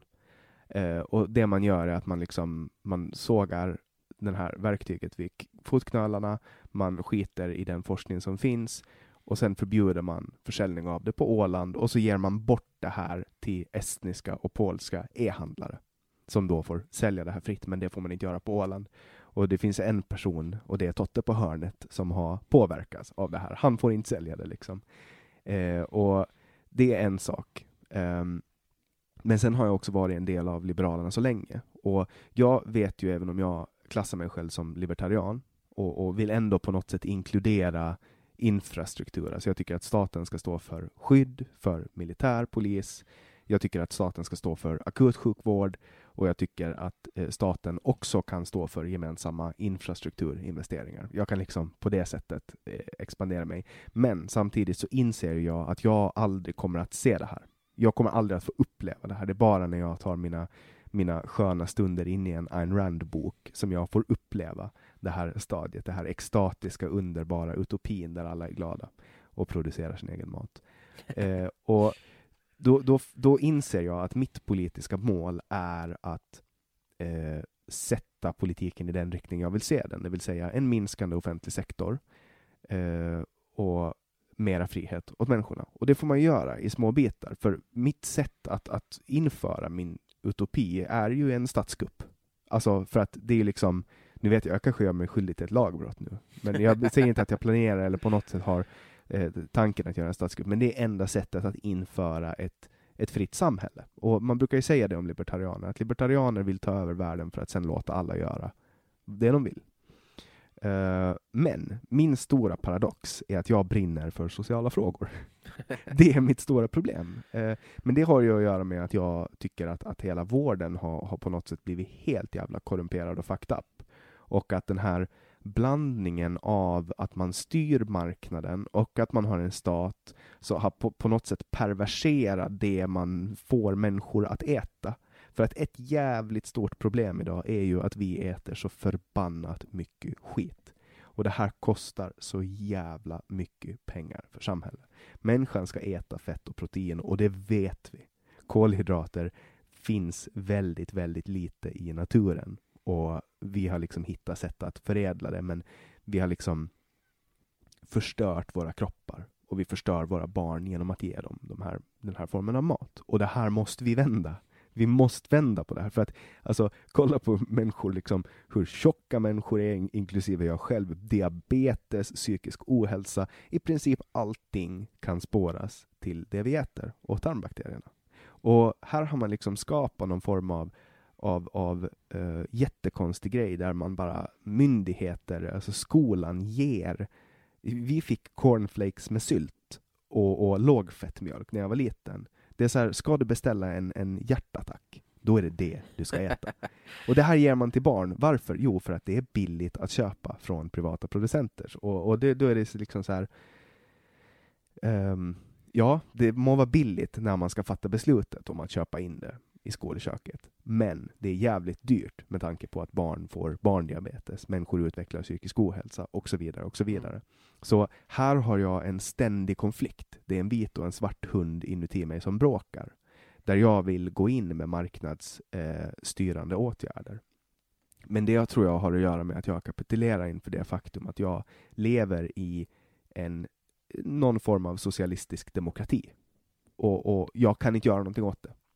Nej, jag menar, det, det vill jag ju också understryka. Jag menar, det inte finns ingen människa kan, jag tror inte, jag, jag, jag, jag ska säga så här, jag tror inte att det finns, att människan kan vara en absolutist på det sättet, liksom, att, att eh, man skulle vara helt totalt konsekvent eh, in, hela tiden. För liksom att det, det, det, skulle krä, det tror jag krävs en sorts perfektion som inte är möjlig för, för en människa. Så, så det är ju, så det, det du säger, det tycker jag är ganska bra exempel på det att, till exempel det att, att för man, man, kan börja gå in och nitpicka sen att, ja men var drar du gränsen då? Ja, men om du, om du tycker att det här, det här som staten gör är okej, varför inte det andra okej? Ja, det, det, kan vara intressant, intressant diskussion, men liksom, det visar ju bara det att, att man, det är nästan omöjligt att vara på det sättet absolutist. Så man kommer ju, all, man kommer ju aldrig vara liksom exakt hela vägen ut till den här högerkanten. Man är någonstans längre in och, och det, det, är ju inget fel med det och det som ser på dig så är ju kanske det också det till exempel som Ron Paul gjorde när han var, han ställde ju som republikan men han hade ju exakt ingenting gemensamt med, med hans tids republikanska parti. Han kanske hade det om man går tillbaks till början av 1900-talet, åtminstone mer än vad han är nu. Och det var han sa också liksom att för folk frågade ju varför är du en, en republikan och han svarade var egentligen det att de grundläggande republikanska värderingarna var ganska nära det här att man var ett, liksom ett konstitutionellt parti, att man, man, man höll upp konstitutionen, man hade det som rättesnöre vilket betydde en väldigt begränsad stat. Han tyckte att, att partiet hade tappat sin väg och han ville liksom visa liksom tillbaks till, till sina rätta rötter. Det kanske kan, kan man se med det och Liberalerna också, att Liberalerna tycker jag eh, också uppfattas allmänt också som ett ett, ännu mer ett vänsterparti än ett högerparti. Och det tycker jag är konstigt. Därför att det finns mycket, det är mycket ekonomiskt fria vindar inom Liberalerna. Men sen tror jag också det faktum att Åland är en fördelningsekonomi, alltså eh, politik, det krävs, alltså det, det, finns liksom, vi kan inte höja skatter, vi kan inte sänka skatter. Det enda gången vi inför en skatt är ju att finansiera public service. Men vi, vi, har liksom, vi ska fördela pengar. Vi får en klump pengar och vi ska fördela den. Och då fördelar vi den jämnt. Liksom. Ja, men vad, vad har vi mest? För att vi har ju allting, all, vi, allting är ju bra på Åland. Mm. Det är så här, vi sitter och bråkar om stora infrastrukturprojekt. Det visar ju på att vi har det ganska bra. För skulle vi inte ha sjukhus så skulle vi ha människor som dog i rännstenarna. Då skulle vi ju sitta och debattera det istället. Eller så skulle vi bara hjälpa dem. Nu pratar vi om färjor som vi ska köpa för 66 miljoner istället. Så jag tror att vi i grund och botten har det ganska bra på Åland och att det är svårt att vara ideologisk på Åland. För att vi ska ju bara fördela. Skulle vi ha skattebehörigheter, då jävlar vilka kampanjer det skulle bli då. då men då skulle ju, då skulle ju sossarna åka ut och aldrig mera komma in igen om vi skulle ha egen skattebehörighet. Det skulle vara intressant faktiskt att se eller vad, vad som skulle hända om, om, om Ålands eh, självstyrelse utvecklas så pass mycket att man tog över både intäktssidan och utgiftssidan.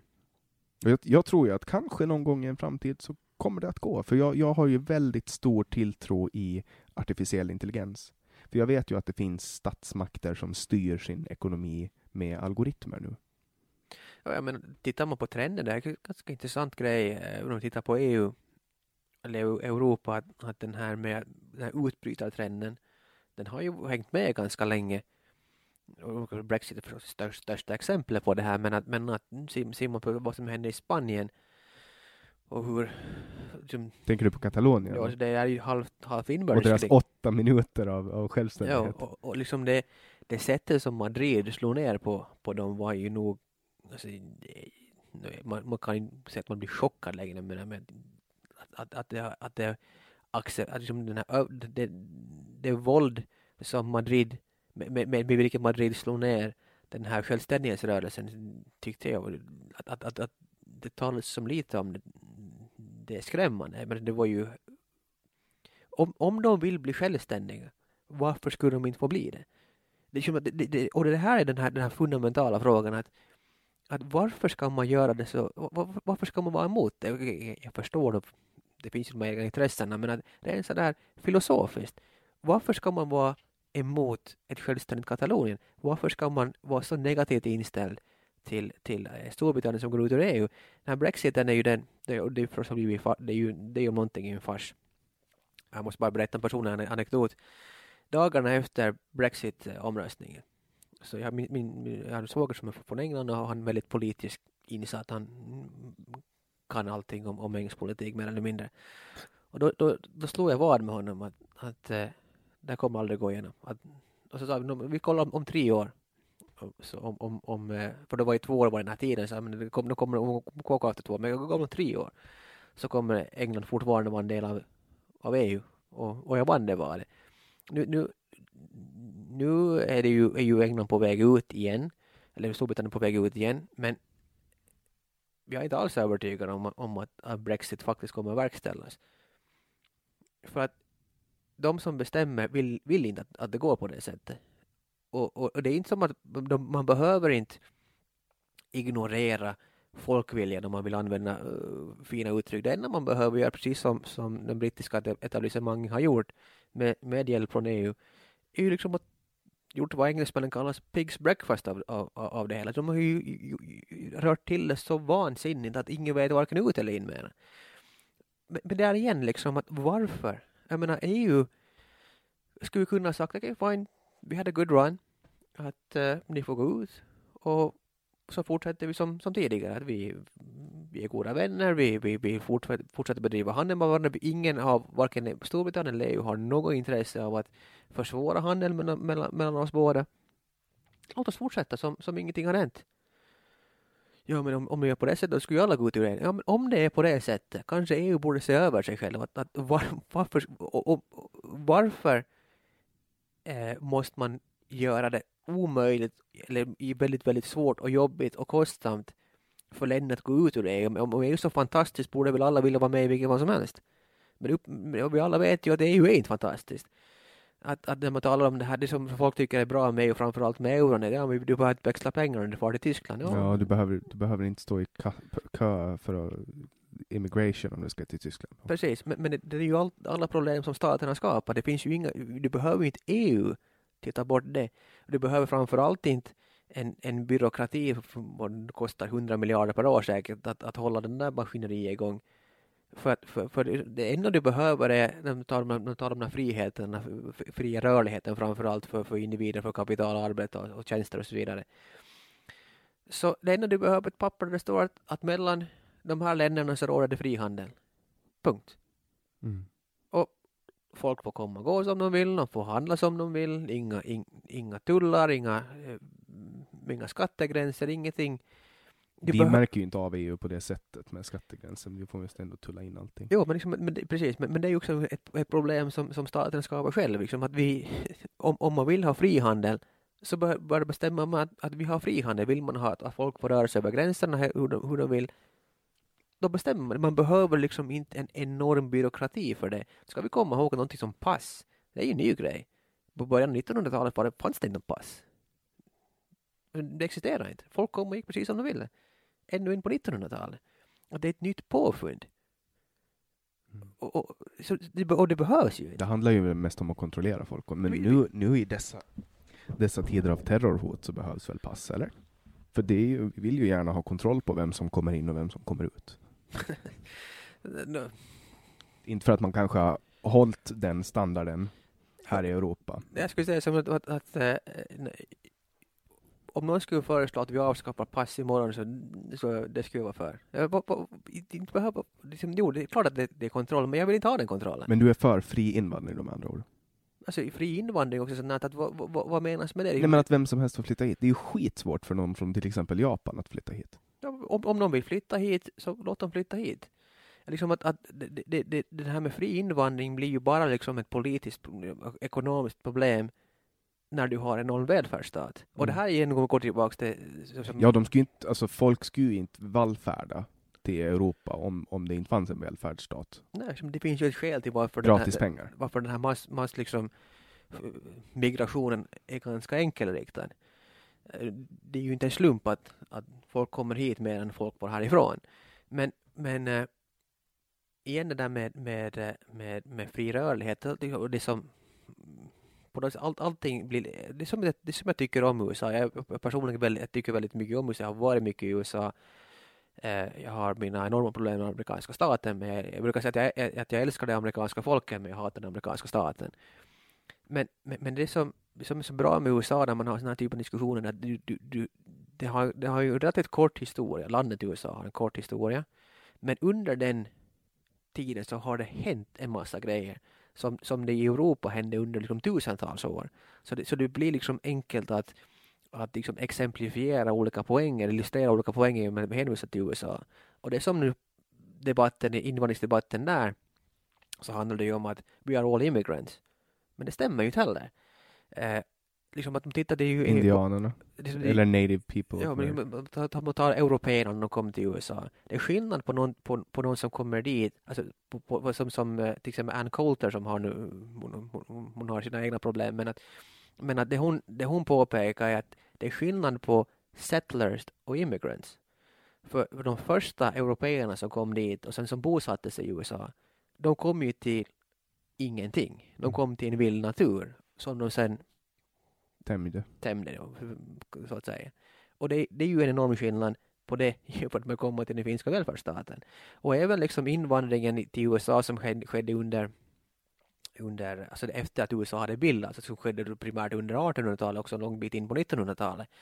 Då kom det till, inte fanns det någon välfärdsstat där inte.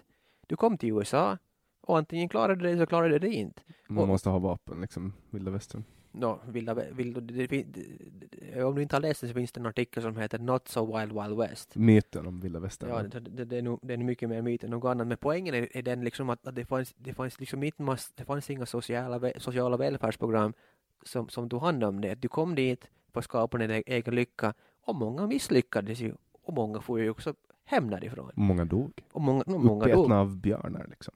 Ja, de ska säga de, ska, de som flyttade in till, till, till, till New York City så kanske inte hade det problemet. Nej, men Men det blir ju visserligen, liksom, men då, då är det mer liksom det att, att få, de, de som får ut på, på alltså, det är också skillnad när de som får ut till, till, till the Western Frontier, de hade ju förstås de problemen, men även de som flyttade in till, till de städer som redan fanns.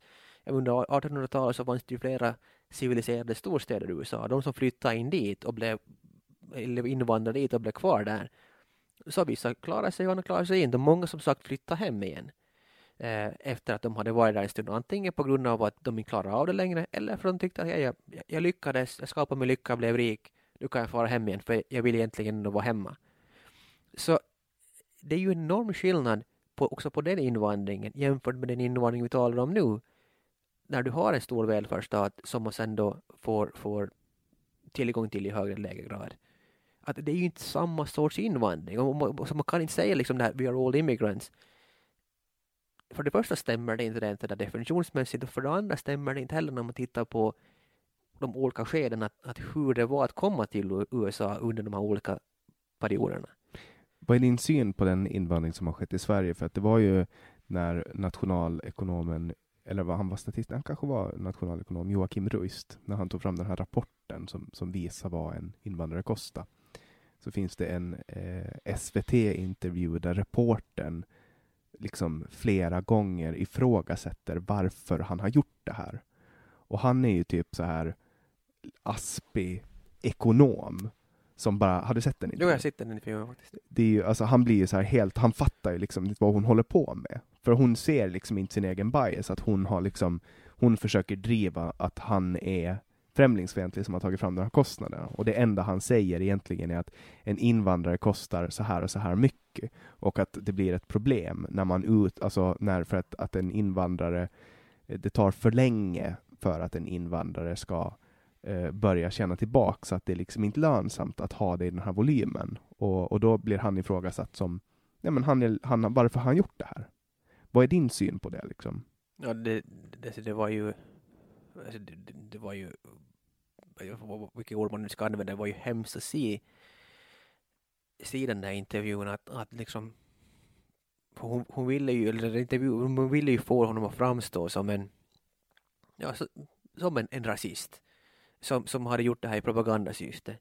Det här en, Jo, hon frågar liksom varför har du gjort det nu? Det är ju snart val. ja, precis. Och liksom han att- var såhär, men vadå, det blev klart nu, det här är mitt jobb. Ja, alltså. e- exakt, liksom, och det, det var ju det drog inte till minnes den här, den här eh, intervjun med Jordan Peterson och Kathy Newman som också var liksom vad, vad är det som händer här? Alltså, Det är ju, det är ju liksom smärtsamt att se något sånt här. Eller Jordan B. Peterson och eh, Annie Lööf, när, Ja, hon, när hon kan inte engelska liksom. Jo, och, och, det, och det, var ju, det var ju också smärtsamt att se, men det, det, det som var mer i det här fallet var ju att just att han, han, han, var ju en sån, han, var- han, han var ju väldigt introvert. Som det att han överhuvudtaget ställde upp på en intervju tyckte jag var, var, var, var lite anmärkningsvärt. Man såg ju på honom.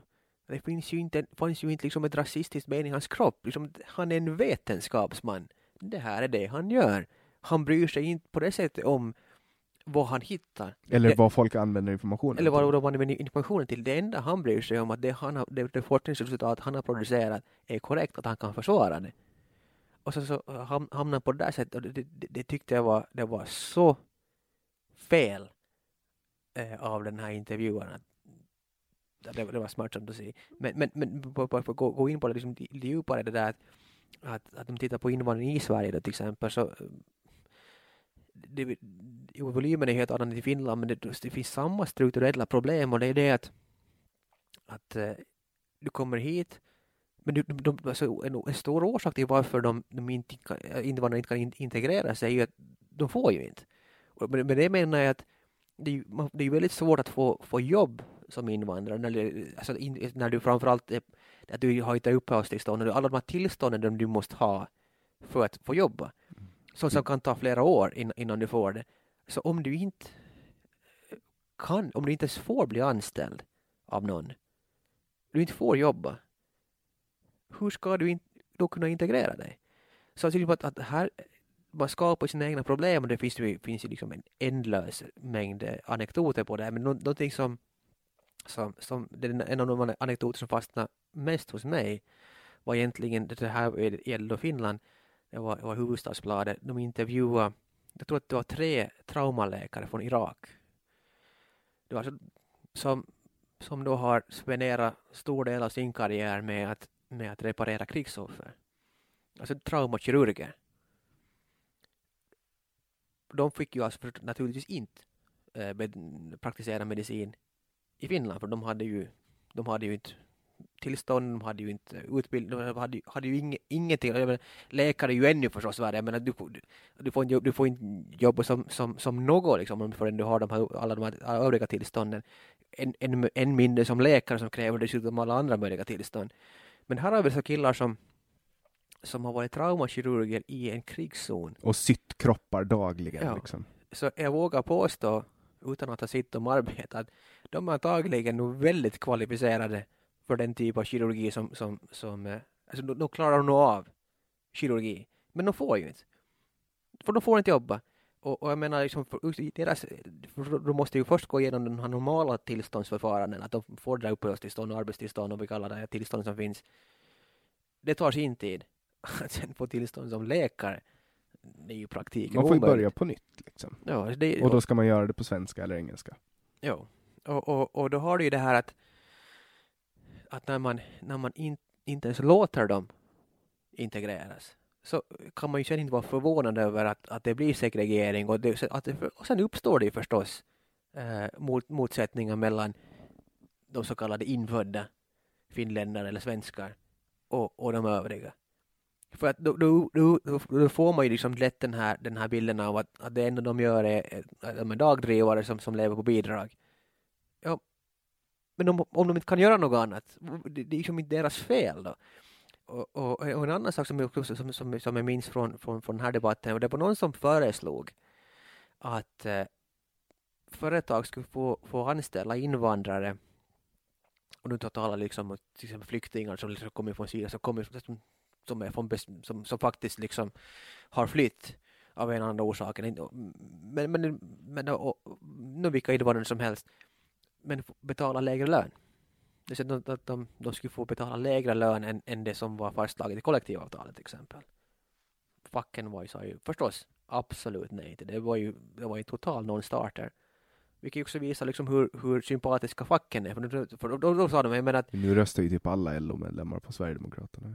Ja, och, och, och då är det ju det här att, att liksom att de får fackföreningen sa att jag menar, in- man får inte exploatera de här stackars invandrarna genom att betala dem lägre löner än, än, än kollektivavtalen.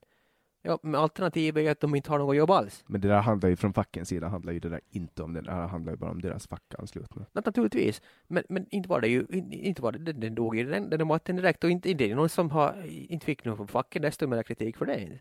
Och, och det här är också liksom, när man, när man går till den här invandringspolitiken, som, som, som, så Sverigedemokraterna framförallt nu för tiden, man, de har deras historia kanske inte den bästa, men att det, det som de egentligen har sagt från början och säger fortfarande och som de oundvikligen otvivelaktigt har rätt i är att den svenska invandringspolitiken och integrationspolitiken är ju ett kapitalt misslyckande och ett misslyckande med enorma kostnader och konsekvenser.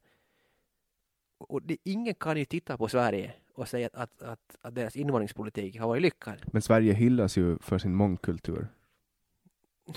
Jag vet, jag vet inte vem som hyllar vem för vad, men att... Enligt Sverige. Jo, visst, jo, det är klart, liksom, och det är samma den här att vi, vi är så mångkulturella. Och det, och det är ett annat ma magiskt buzzword som vad betyder det? Varför skulle det vara bra? Men alltså folk säger ju också så här, ja men vi har typ 60 olika nationer på Åland. Men jag ser ju främst vita ålänningar. Jo, jag menar liksom att igen, det, det är absolut Alltså det är ju det man ser. Det, det, går du till Sparhallen så... Ja, det, är klart det man ser. Och jag menar liksom att, igen, att det, det är ju bara bra. Jag, menar, jag har min, min egen familj är väldigt internationell. Inte är det något fel med det inte.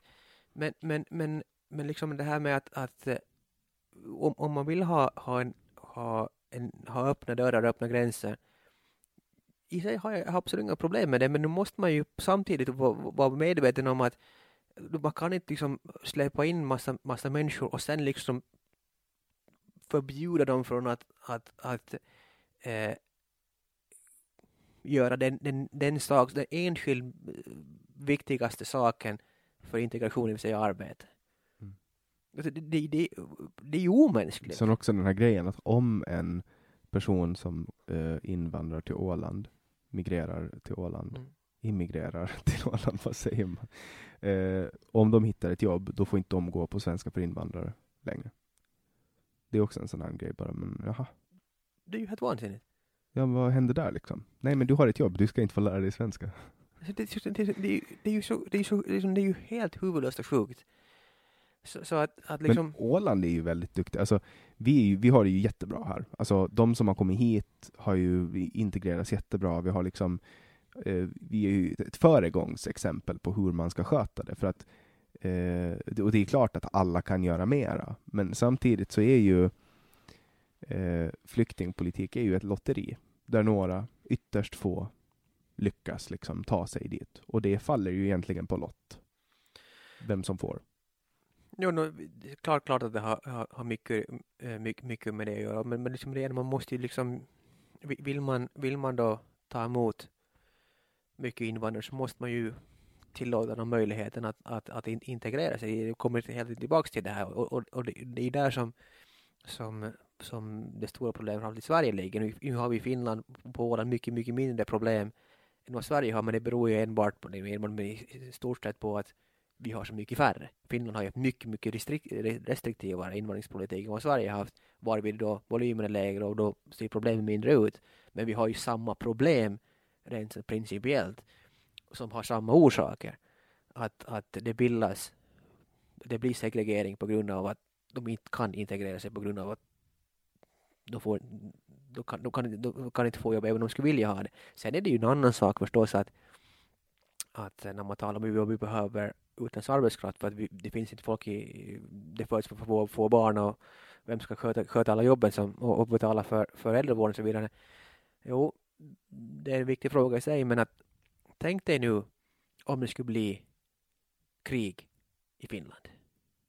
Det skulle bli liksom Ryssland skulle invadera oss och, och, och Finland och Åland skulle förvandlas till ett liknande helvete som Syrien har varit, som Libyen har varit, som Irak har varit, som Afghanistan har varit. De är totalt sönderbombat helvete. Och du flyr. Och du hamnar i, säg, Sydkorea. Som då är ett, som ett väst, på ett västland, utvecklingsland, in, vad heter, vad heter det, ett, ett, ett, ett utvecklat eh, industriland, rikt och allt det där du, du är totalt traumatiserad av det du har upplevt. Du är antagligen skadad för livet. Du kommer till en kultur du inte förstår någonting av. Du förstår ingenting av språket. du kan liksom inte ett ord av det språk som talas där. Börjar skita löst av maten. Ja, det, dessutom det. Hur produktiv skulle du vara? Jag men, vad är det för jobb du kan, du kan sköta? Jag men, liksom att det, det är ju här, det här är också något man, måste, må, måste tänka att, att, att när, vi, när vi talar om, om, utvecklade, utvecklade länder som, som, som, som västvärlden normalt sett är, så, så mycket av de här ska säga, eh, enkla jobben har ju automatiserats bort. Att, att den här kompetenskraven på, på, på arbetarna i, i, i, i utvecklade länder som, i, som västvärlden blir ju hela tiden högre. Att, ta, ta till exempel pappersindustrin, att, nu, nu är det ju väldigt mycket av det är ju, är ju bara maskiner som, som ska opereras av någon. Att det kräver liksom väldigt special, specialiserad kunskap som, som, som man bara inte kan, bara, man kan inte bara hoppa in och börja driva en, en pappersmaskin, lika lite som man kan hoppa ombord på, på, på Viking Grace och, och, och, och köra den mellan, mellan Åbo och Stockholm. Så även om man, man kan säga att vi behöver, om vi behöver utländsk arbetskraft för att det finns för lite kompetent arbetskraft i Finland. Men hur kan man tro att genomtraumatiserade flyktingar som i, i många fall är analfabeter i sina egna språk ska kunna fylla de här jobben. En stor grej, som också, det där är jättestort, ett stort problem. Och man har ju sagt liksom att nu kommer det hur mycket läkare som helst. Det var ju till och med DN som hade det, liksom toppa med det någon dag under flyktingkrisen, att det är massa läkare och ingenjörer som kommer. Men en stor aspekt som är väldigt tabubelagd att prata om är ju den kulturella skillnaden. Alltså, kollar man på World Value Survey, känner du till det? Nej, det kan jag inte säga det. Det är, en, ett, det, det är någon form av institut som, som kollar på värderingar. Och så kan man liksom lägga in det i en skala. Mm. Uh, och, och, då har man Sverige högst upp till höger på skalan och så har man typ arabländer och Nordafrika längst ner till vänster. Och den invandring som har skett till Sverige är ju främst från Mellanöstern och Nordafrika. Och det gör att, att alltså genom att Sverige är eh, på ena extremen av värderingsskalan. I Sverige anser man ju själv då, att man är hemmablind, att man inte har, att man inte har liksom, man har ingen kultur i Sverige. Man har bara mångkultur och så.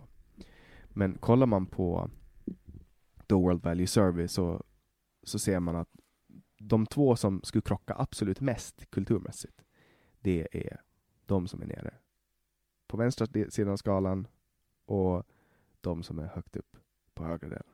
Och den största delen har ju skett från den totala motpolen.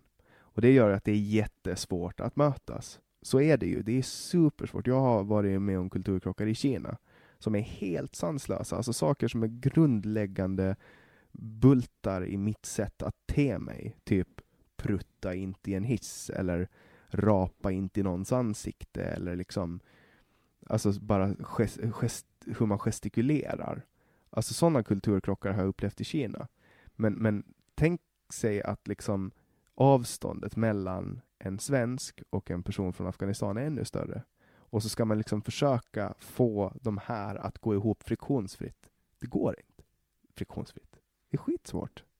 Och Christian Wikström pratade om det i podden. Har du hört det avsnittet? Eh, jo, jag hörde på det.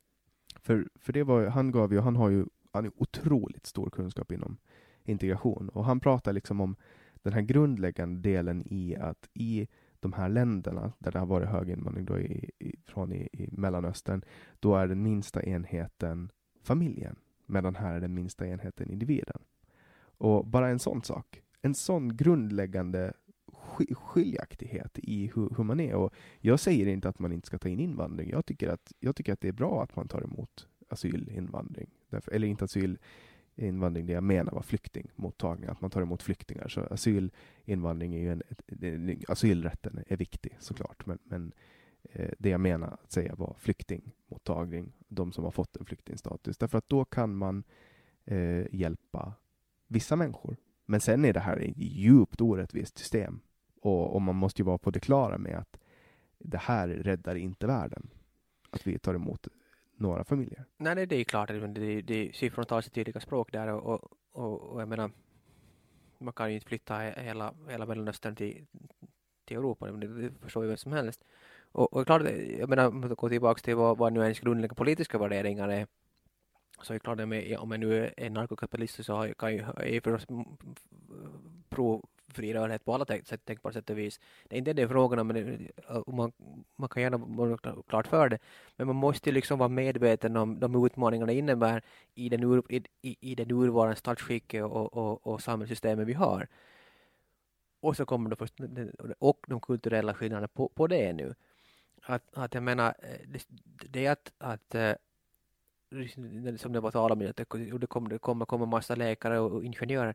Varför skulle det finnas, varför skulle alla, alla människor i Mellanöstern vara läkare och ingenjörer? Inte de, inte de här i Finland heller inte. Nej, men också, också så här, om det skulle vara så, vilken jävla brain drain.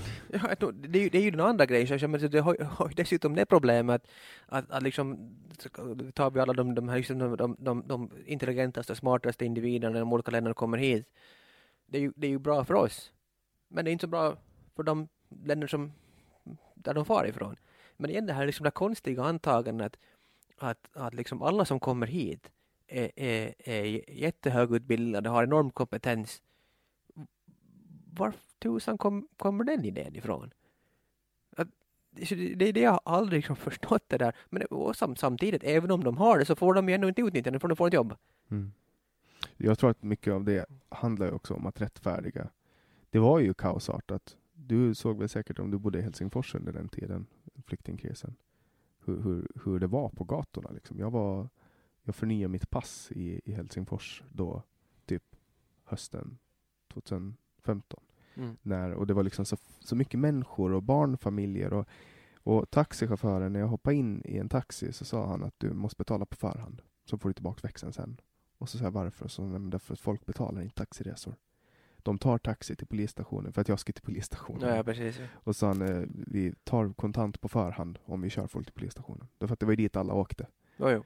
Och det var liksom, nu, nu tappar jag lite tråden, men, men det jag menar var att det var kaosartat. Och det var en stor tragedi, men tänk på de människorna som gick ända från fucking Mellanöstern på sina egna fötter, åkte över ett livsfarligt hav, betala allt, sin, hela sin släkts eh, totala ägodelar, typ människosmugglare, bara för att få gå till fots till Europa och sen bli inplockade i något läger där de fick sitta ett halvt år bara för att bli hemskickade i liksom business class. Alltså det, det är tragiska öden. Det, det är tragiska öden, det, det, det är ju det är bisarrt och liksom det är att man där skulle man gärna få titta på varför det, vad var det som hände här att, att, varför blev det en massinvandring från, från till exempel från, från, från, Syrien? Ja, det för att vi fick våra, våra stora förebilder Hillary Clinton och Barack Obama och, och, och, och det gänget fick för sig att nu ska vi börja kriga lite till. För, för de krig som vi, som vi håller på med nu så det räcker inte, så vi ska kriga lite till. Som, det kommer ju jätte, jättemycket människor från Nordafrika också. Den, den andra, andra utlösande faktorn var ju Libyen. Och det är ju som, som, som, som Gaddafi som var ju, kan ju ingen påstå att var, var någon sorts förebild sådär ur, ur, ur moral och etik, men, men vad, han, vad han sa eh, flera gånger var det att om ni tar, tar ni bort mig så då, då öppnar, öppnar ni liksom portarna till, till Europa. Och det hade han ju upp, helt uppenbarligen rätt i. Att efter, efter liksom katastrofen i Libyen så det var ju som enorm ökning där. Hur, hur ser Libyen ut efter, efter Gaddafi? De har slavmarknader på, på öppna gatan. Ja, jag minns ju hur de hyllade den arabiska våren. Mm. Med liksom hylla att nu kommer friheten, nu kommer äntligen demokrati till Mellanöstern. Och den enda demokratin som står i Mellanöstern är Jerusalem och Israel. Ja, så, så där har du sen. Och de är ju, de är ju fruktansvärt hemska då enligt vänstern.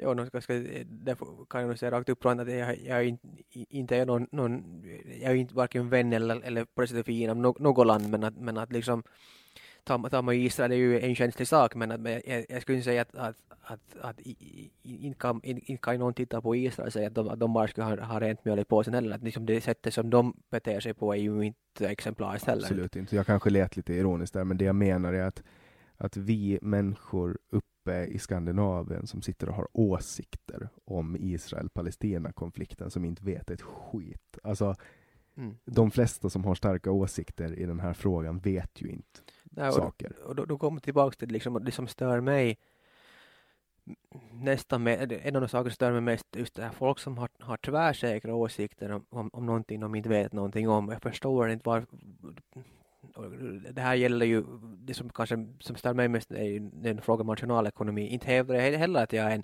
nationalekonomisk expert, men jag har gjort, åtminstone gjort mig besväret att jag har läst mycket. Jag har läst, jag läste förstås universitet en del, men jag har läst på egen tid väldigt mycket. Eh, både böcker och artiklar, vetenskapliga artiklar. Jag har skrivit en hel del själv. Så jag har gjort mig besväret, så jag känner att jag kan, kan uttala mig eh, om, om, om nationalekonomiska eh, saker och ting. Men det har ju blivit en åsiktssport det där. Vad gjorde du i avhandlingen? Alltså min, min, den, det som jag skrev min, eh, min alltså, när, i, i, i universitetet så, så min, eh, mitt huvudämne var, var handelsrätt och jag hade långt biämne var, var redovisning. Sen det ingick, som i, i, gick jag en hel del nationalekonomiska kurser men det var också sådana grejer som att det var ju mest bara matematiskt dravel. Eh, som, som jag minns att, att, att det, det, de studier i national, nationalekonomi som jag har ägnat mig åt, det har ju varit på hobbynivå. Det har jag läst på egen tid. Läst, letat upp böcker att läsa, lä, vetenskapliga artiklar att läsa. Sen som sagt skrivit mycket själv. Så att på det sättet, om man har gjort sig besvär att läsa om någonting, så kan man också uttala sig om det. Då har man åtminstone mandat att göra det. Eh, men framförallt med nationalekonomi så folk har helt glömt bort det där. Det där är att det är faktiskt en, en vetenskap. Det är inte liksom en åsiktssport. Men, men, och här får jag säga igen att det är ekonomerna själva nu som, som får bära det största hundhuvudet. För det är de som har, det är ekonomerna som har drivit det här. Att, att, eh, att det, det finns olika skolor i, i, i nationalekonomi. Och som man, som, man, som man inte skulle kunna liksom skilja på, på, på rätt och fel eller skilja på de som, har, som vet vad de pratar om och som de inte pratar om. Till exempel som Paul Samuelsson som tyckte att 1989 att Sovjet skulle gå förbi USA. Varför lyssnar man på en sån person? Varför lyssnar man på personer som gång efter annan hela tiden får blivit, blivit felbevisade? Varför fortsätter man lyssna på dem bara för att de har titeln nationalekonom? Det, det, men det, det är en av mina egna, egna käpphästar och, och det var det kanske det som som jag också opponerar mig mot tidigare kritiker, de som var kritiska mot min, mot min ledare, att det var inte ens nationalekonomi, det var, liksom, det, var, det var redovisning, plus och minus. Förklara för mig hur, hur, hur ni kan tycka att det är hållbart att, att minus hela tiden är mycket större än plus. Men det var ingen som gick in i den debatten utan istället bara antingen komma med personangrepp eller totalt innehållslösa klyschor som det där med vad nationalekonomer normalt anser är bra. Mm. Ja, no, om, om, det är din, om det är din nivå på nationalekonomisk kunskap så kanske du ska, ska uttala dig om det då i så fall. Mm. Hälsning till, till, till Mikael Hancock. Och, och nu tycker jag att, att jag har fått ett ganska bra grepp om dig. Eh, jag har ju fått höra och läsa om, om hur hemsk du är då, kall och rå. Och, och kan konstatera att du var så nyliberal som jag önskar. Eh, och jag tycker att vi har haft ett bra spinn. Vi har pratat i snart två timmar, så vi har gått lite över tid. Eh, och hoppas verkligen att folk eh, tar sig tid att, att lyssna igenom det här samtalet. Jag tror att det är ett välkommet perspektiv att verkligen få höra det här. Jag tycker det här var, har varit väldigt, väldigt trevligt. Jag menar, det har ju varit på sätt och vis totalt ostrukturerat. Man mm. har ju mm. bara pratat det som har, har råkat komma i huvudet. Det ena har lett till det andra. Och det har varit, det har varit väldigt trevligt mm. att vara här. Så, så tack för att du, du bjöd mig hit. Och tusen tack för att du kom. Vi har ju försökt ganska länge nu, ända sedan maj har vi försökt få ihop det här. Du har varit upptagen med business, med att eh, minska skatteplundreriet till dina klienter. Minimera den statliga stölden, som man brukar ja. säga. och jag eh, köper ju den retoriken. För att jag, folk säger att jag kommer att växa ur det här. Att folk säger att jag är libertarian nu för att jag är ung. Liksom. Men att så fort jag faller in, vi får se. Vi får se. Det är ingen hemlighet. Och, och, och så. Och jag kommer antagligen att fortsätta få skit för det. Men, men som mina partikamrater brukar säga, eller en av mina partikamrater brukar säga, att jag är libertarian ända tills det kommer till mina hjärtefrågor. Då, då är jag socialliberal. Det må vara tillåtet. Ja, så kanske det. Men vi tackar Kai Gryssner som kom hit eh, och spelade in dagens avsnitt med oss. Om ni tycker om det vi gör så får ni gärna gå in på vår hemsida www.samtal.ax. Där hittar ni alla avsnitt. Där kan ni också tipsa om gäster som ni vill att jag bjuder in. Och där har ni även möjlighet att prenumerera på e-mails eh, för att få alla våra avsnitt direkt i inkorgen. I övrigt så har vi ju ett val som närmar oss och eh, det ska bli väldigt spännande att se vad som händer. Eh, nu går jag åtminstone runt och tänker på det i princip dygnet runt. Och jag ska försöka eh, att hålla nivån så politisk som möjligt nu fram tills valet. Med återseende, eller på återseende som det heter, önskar jag er en fortsatt trevlig dag eller kväll eller natt eller vilken tid på dygnet ni än lyssnar på det här samtalet. Producent för det här avsnittet var Didrik Svan. Jag heter Jannik Svensson och du har lyssnat på Säg vad du vill Åland.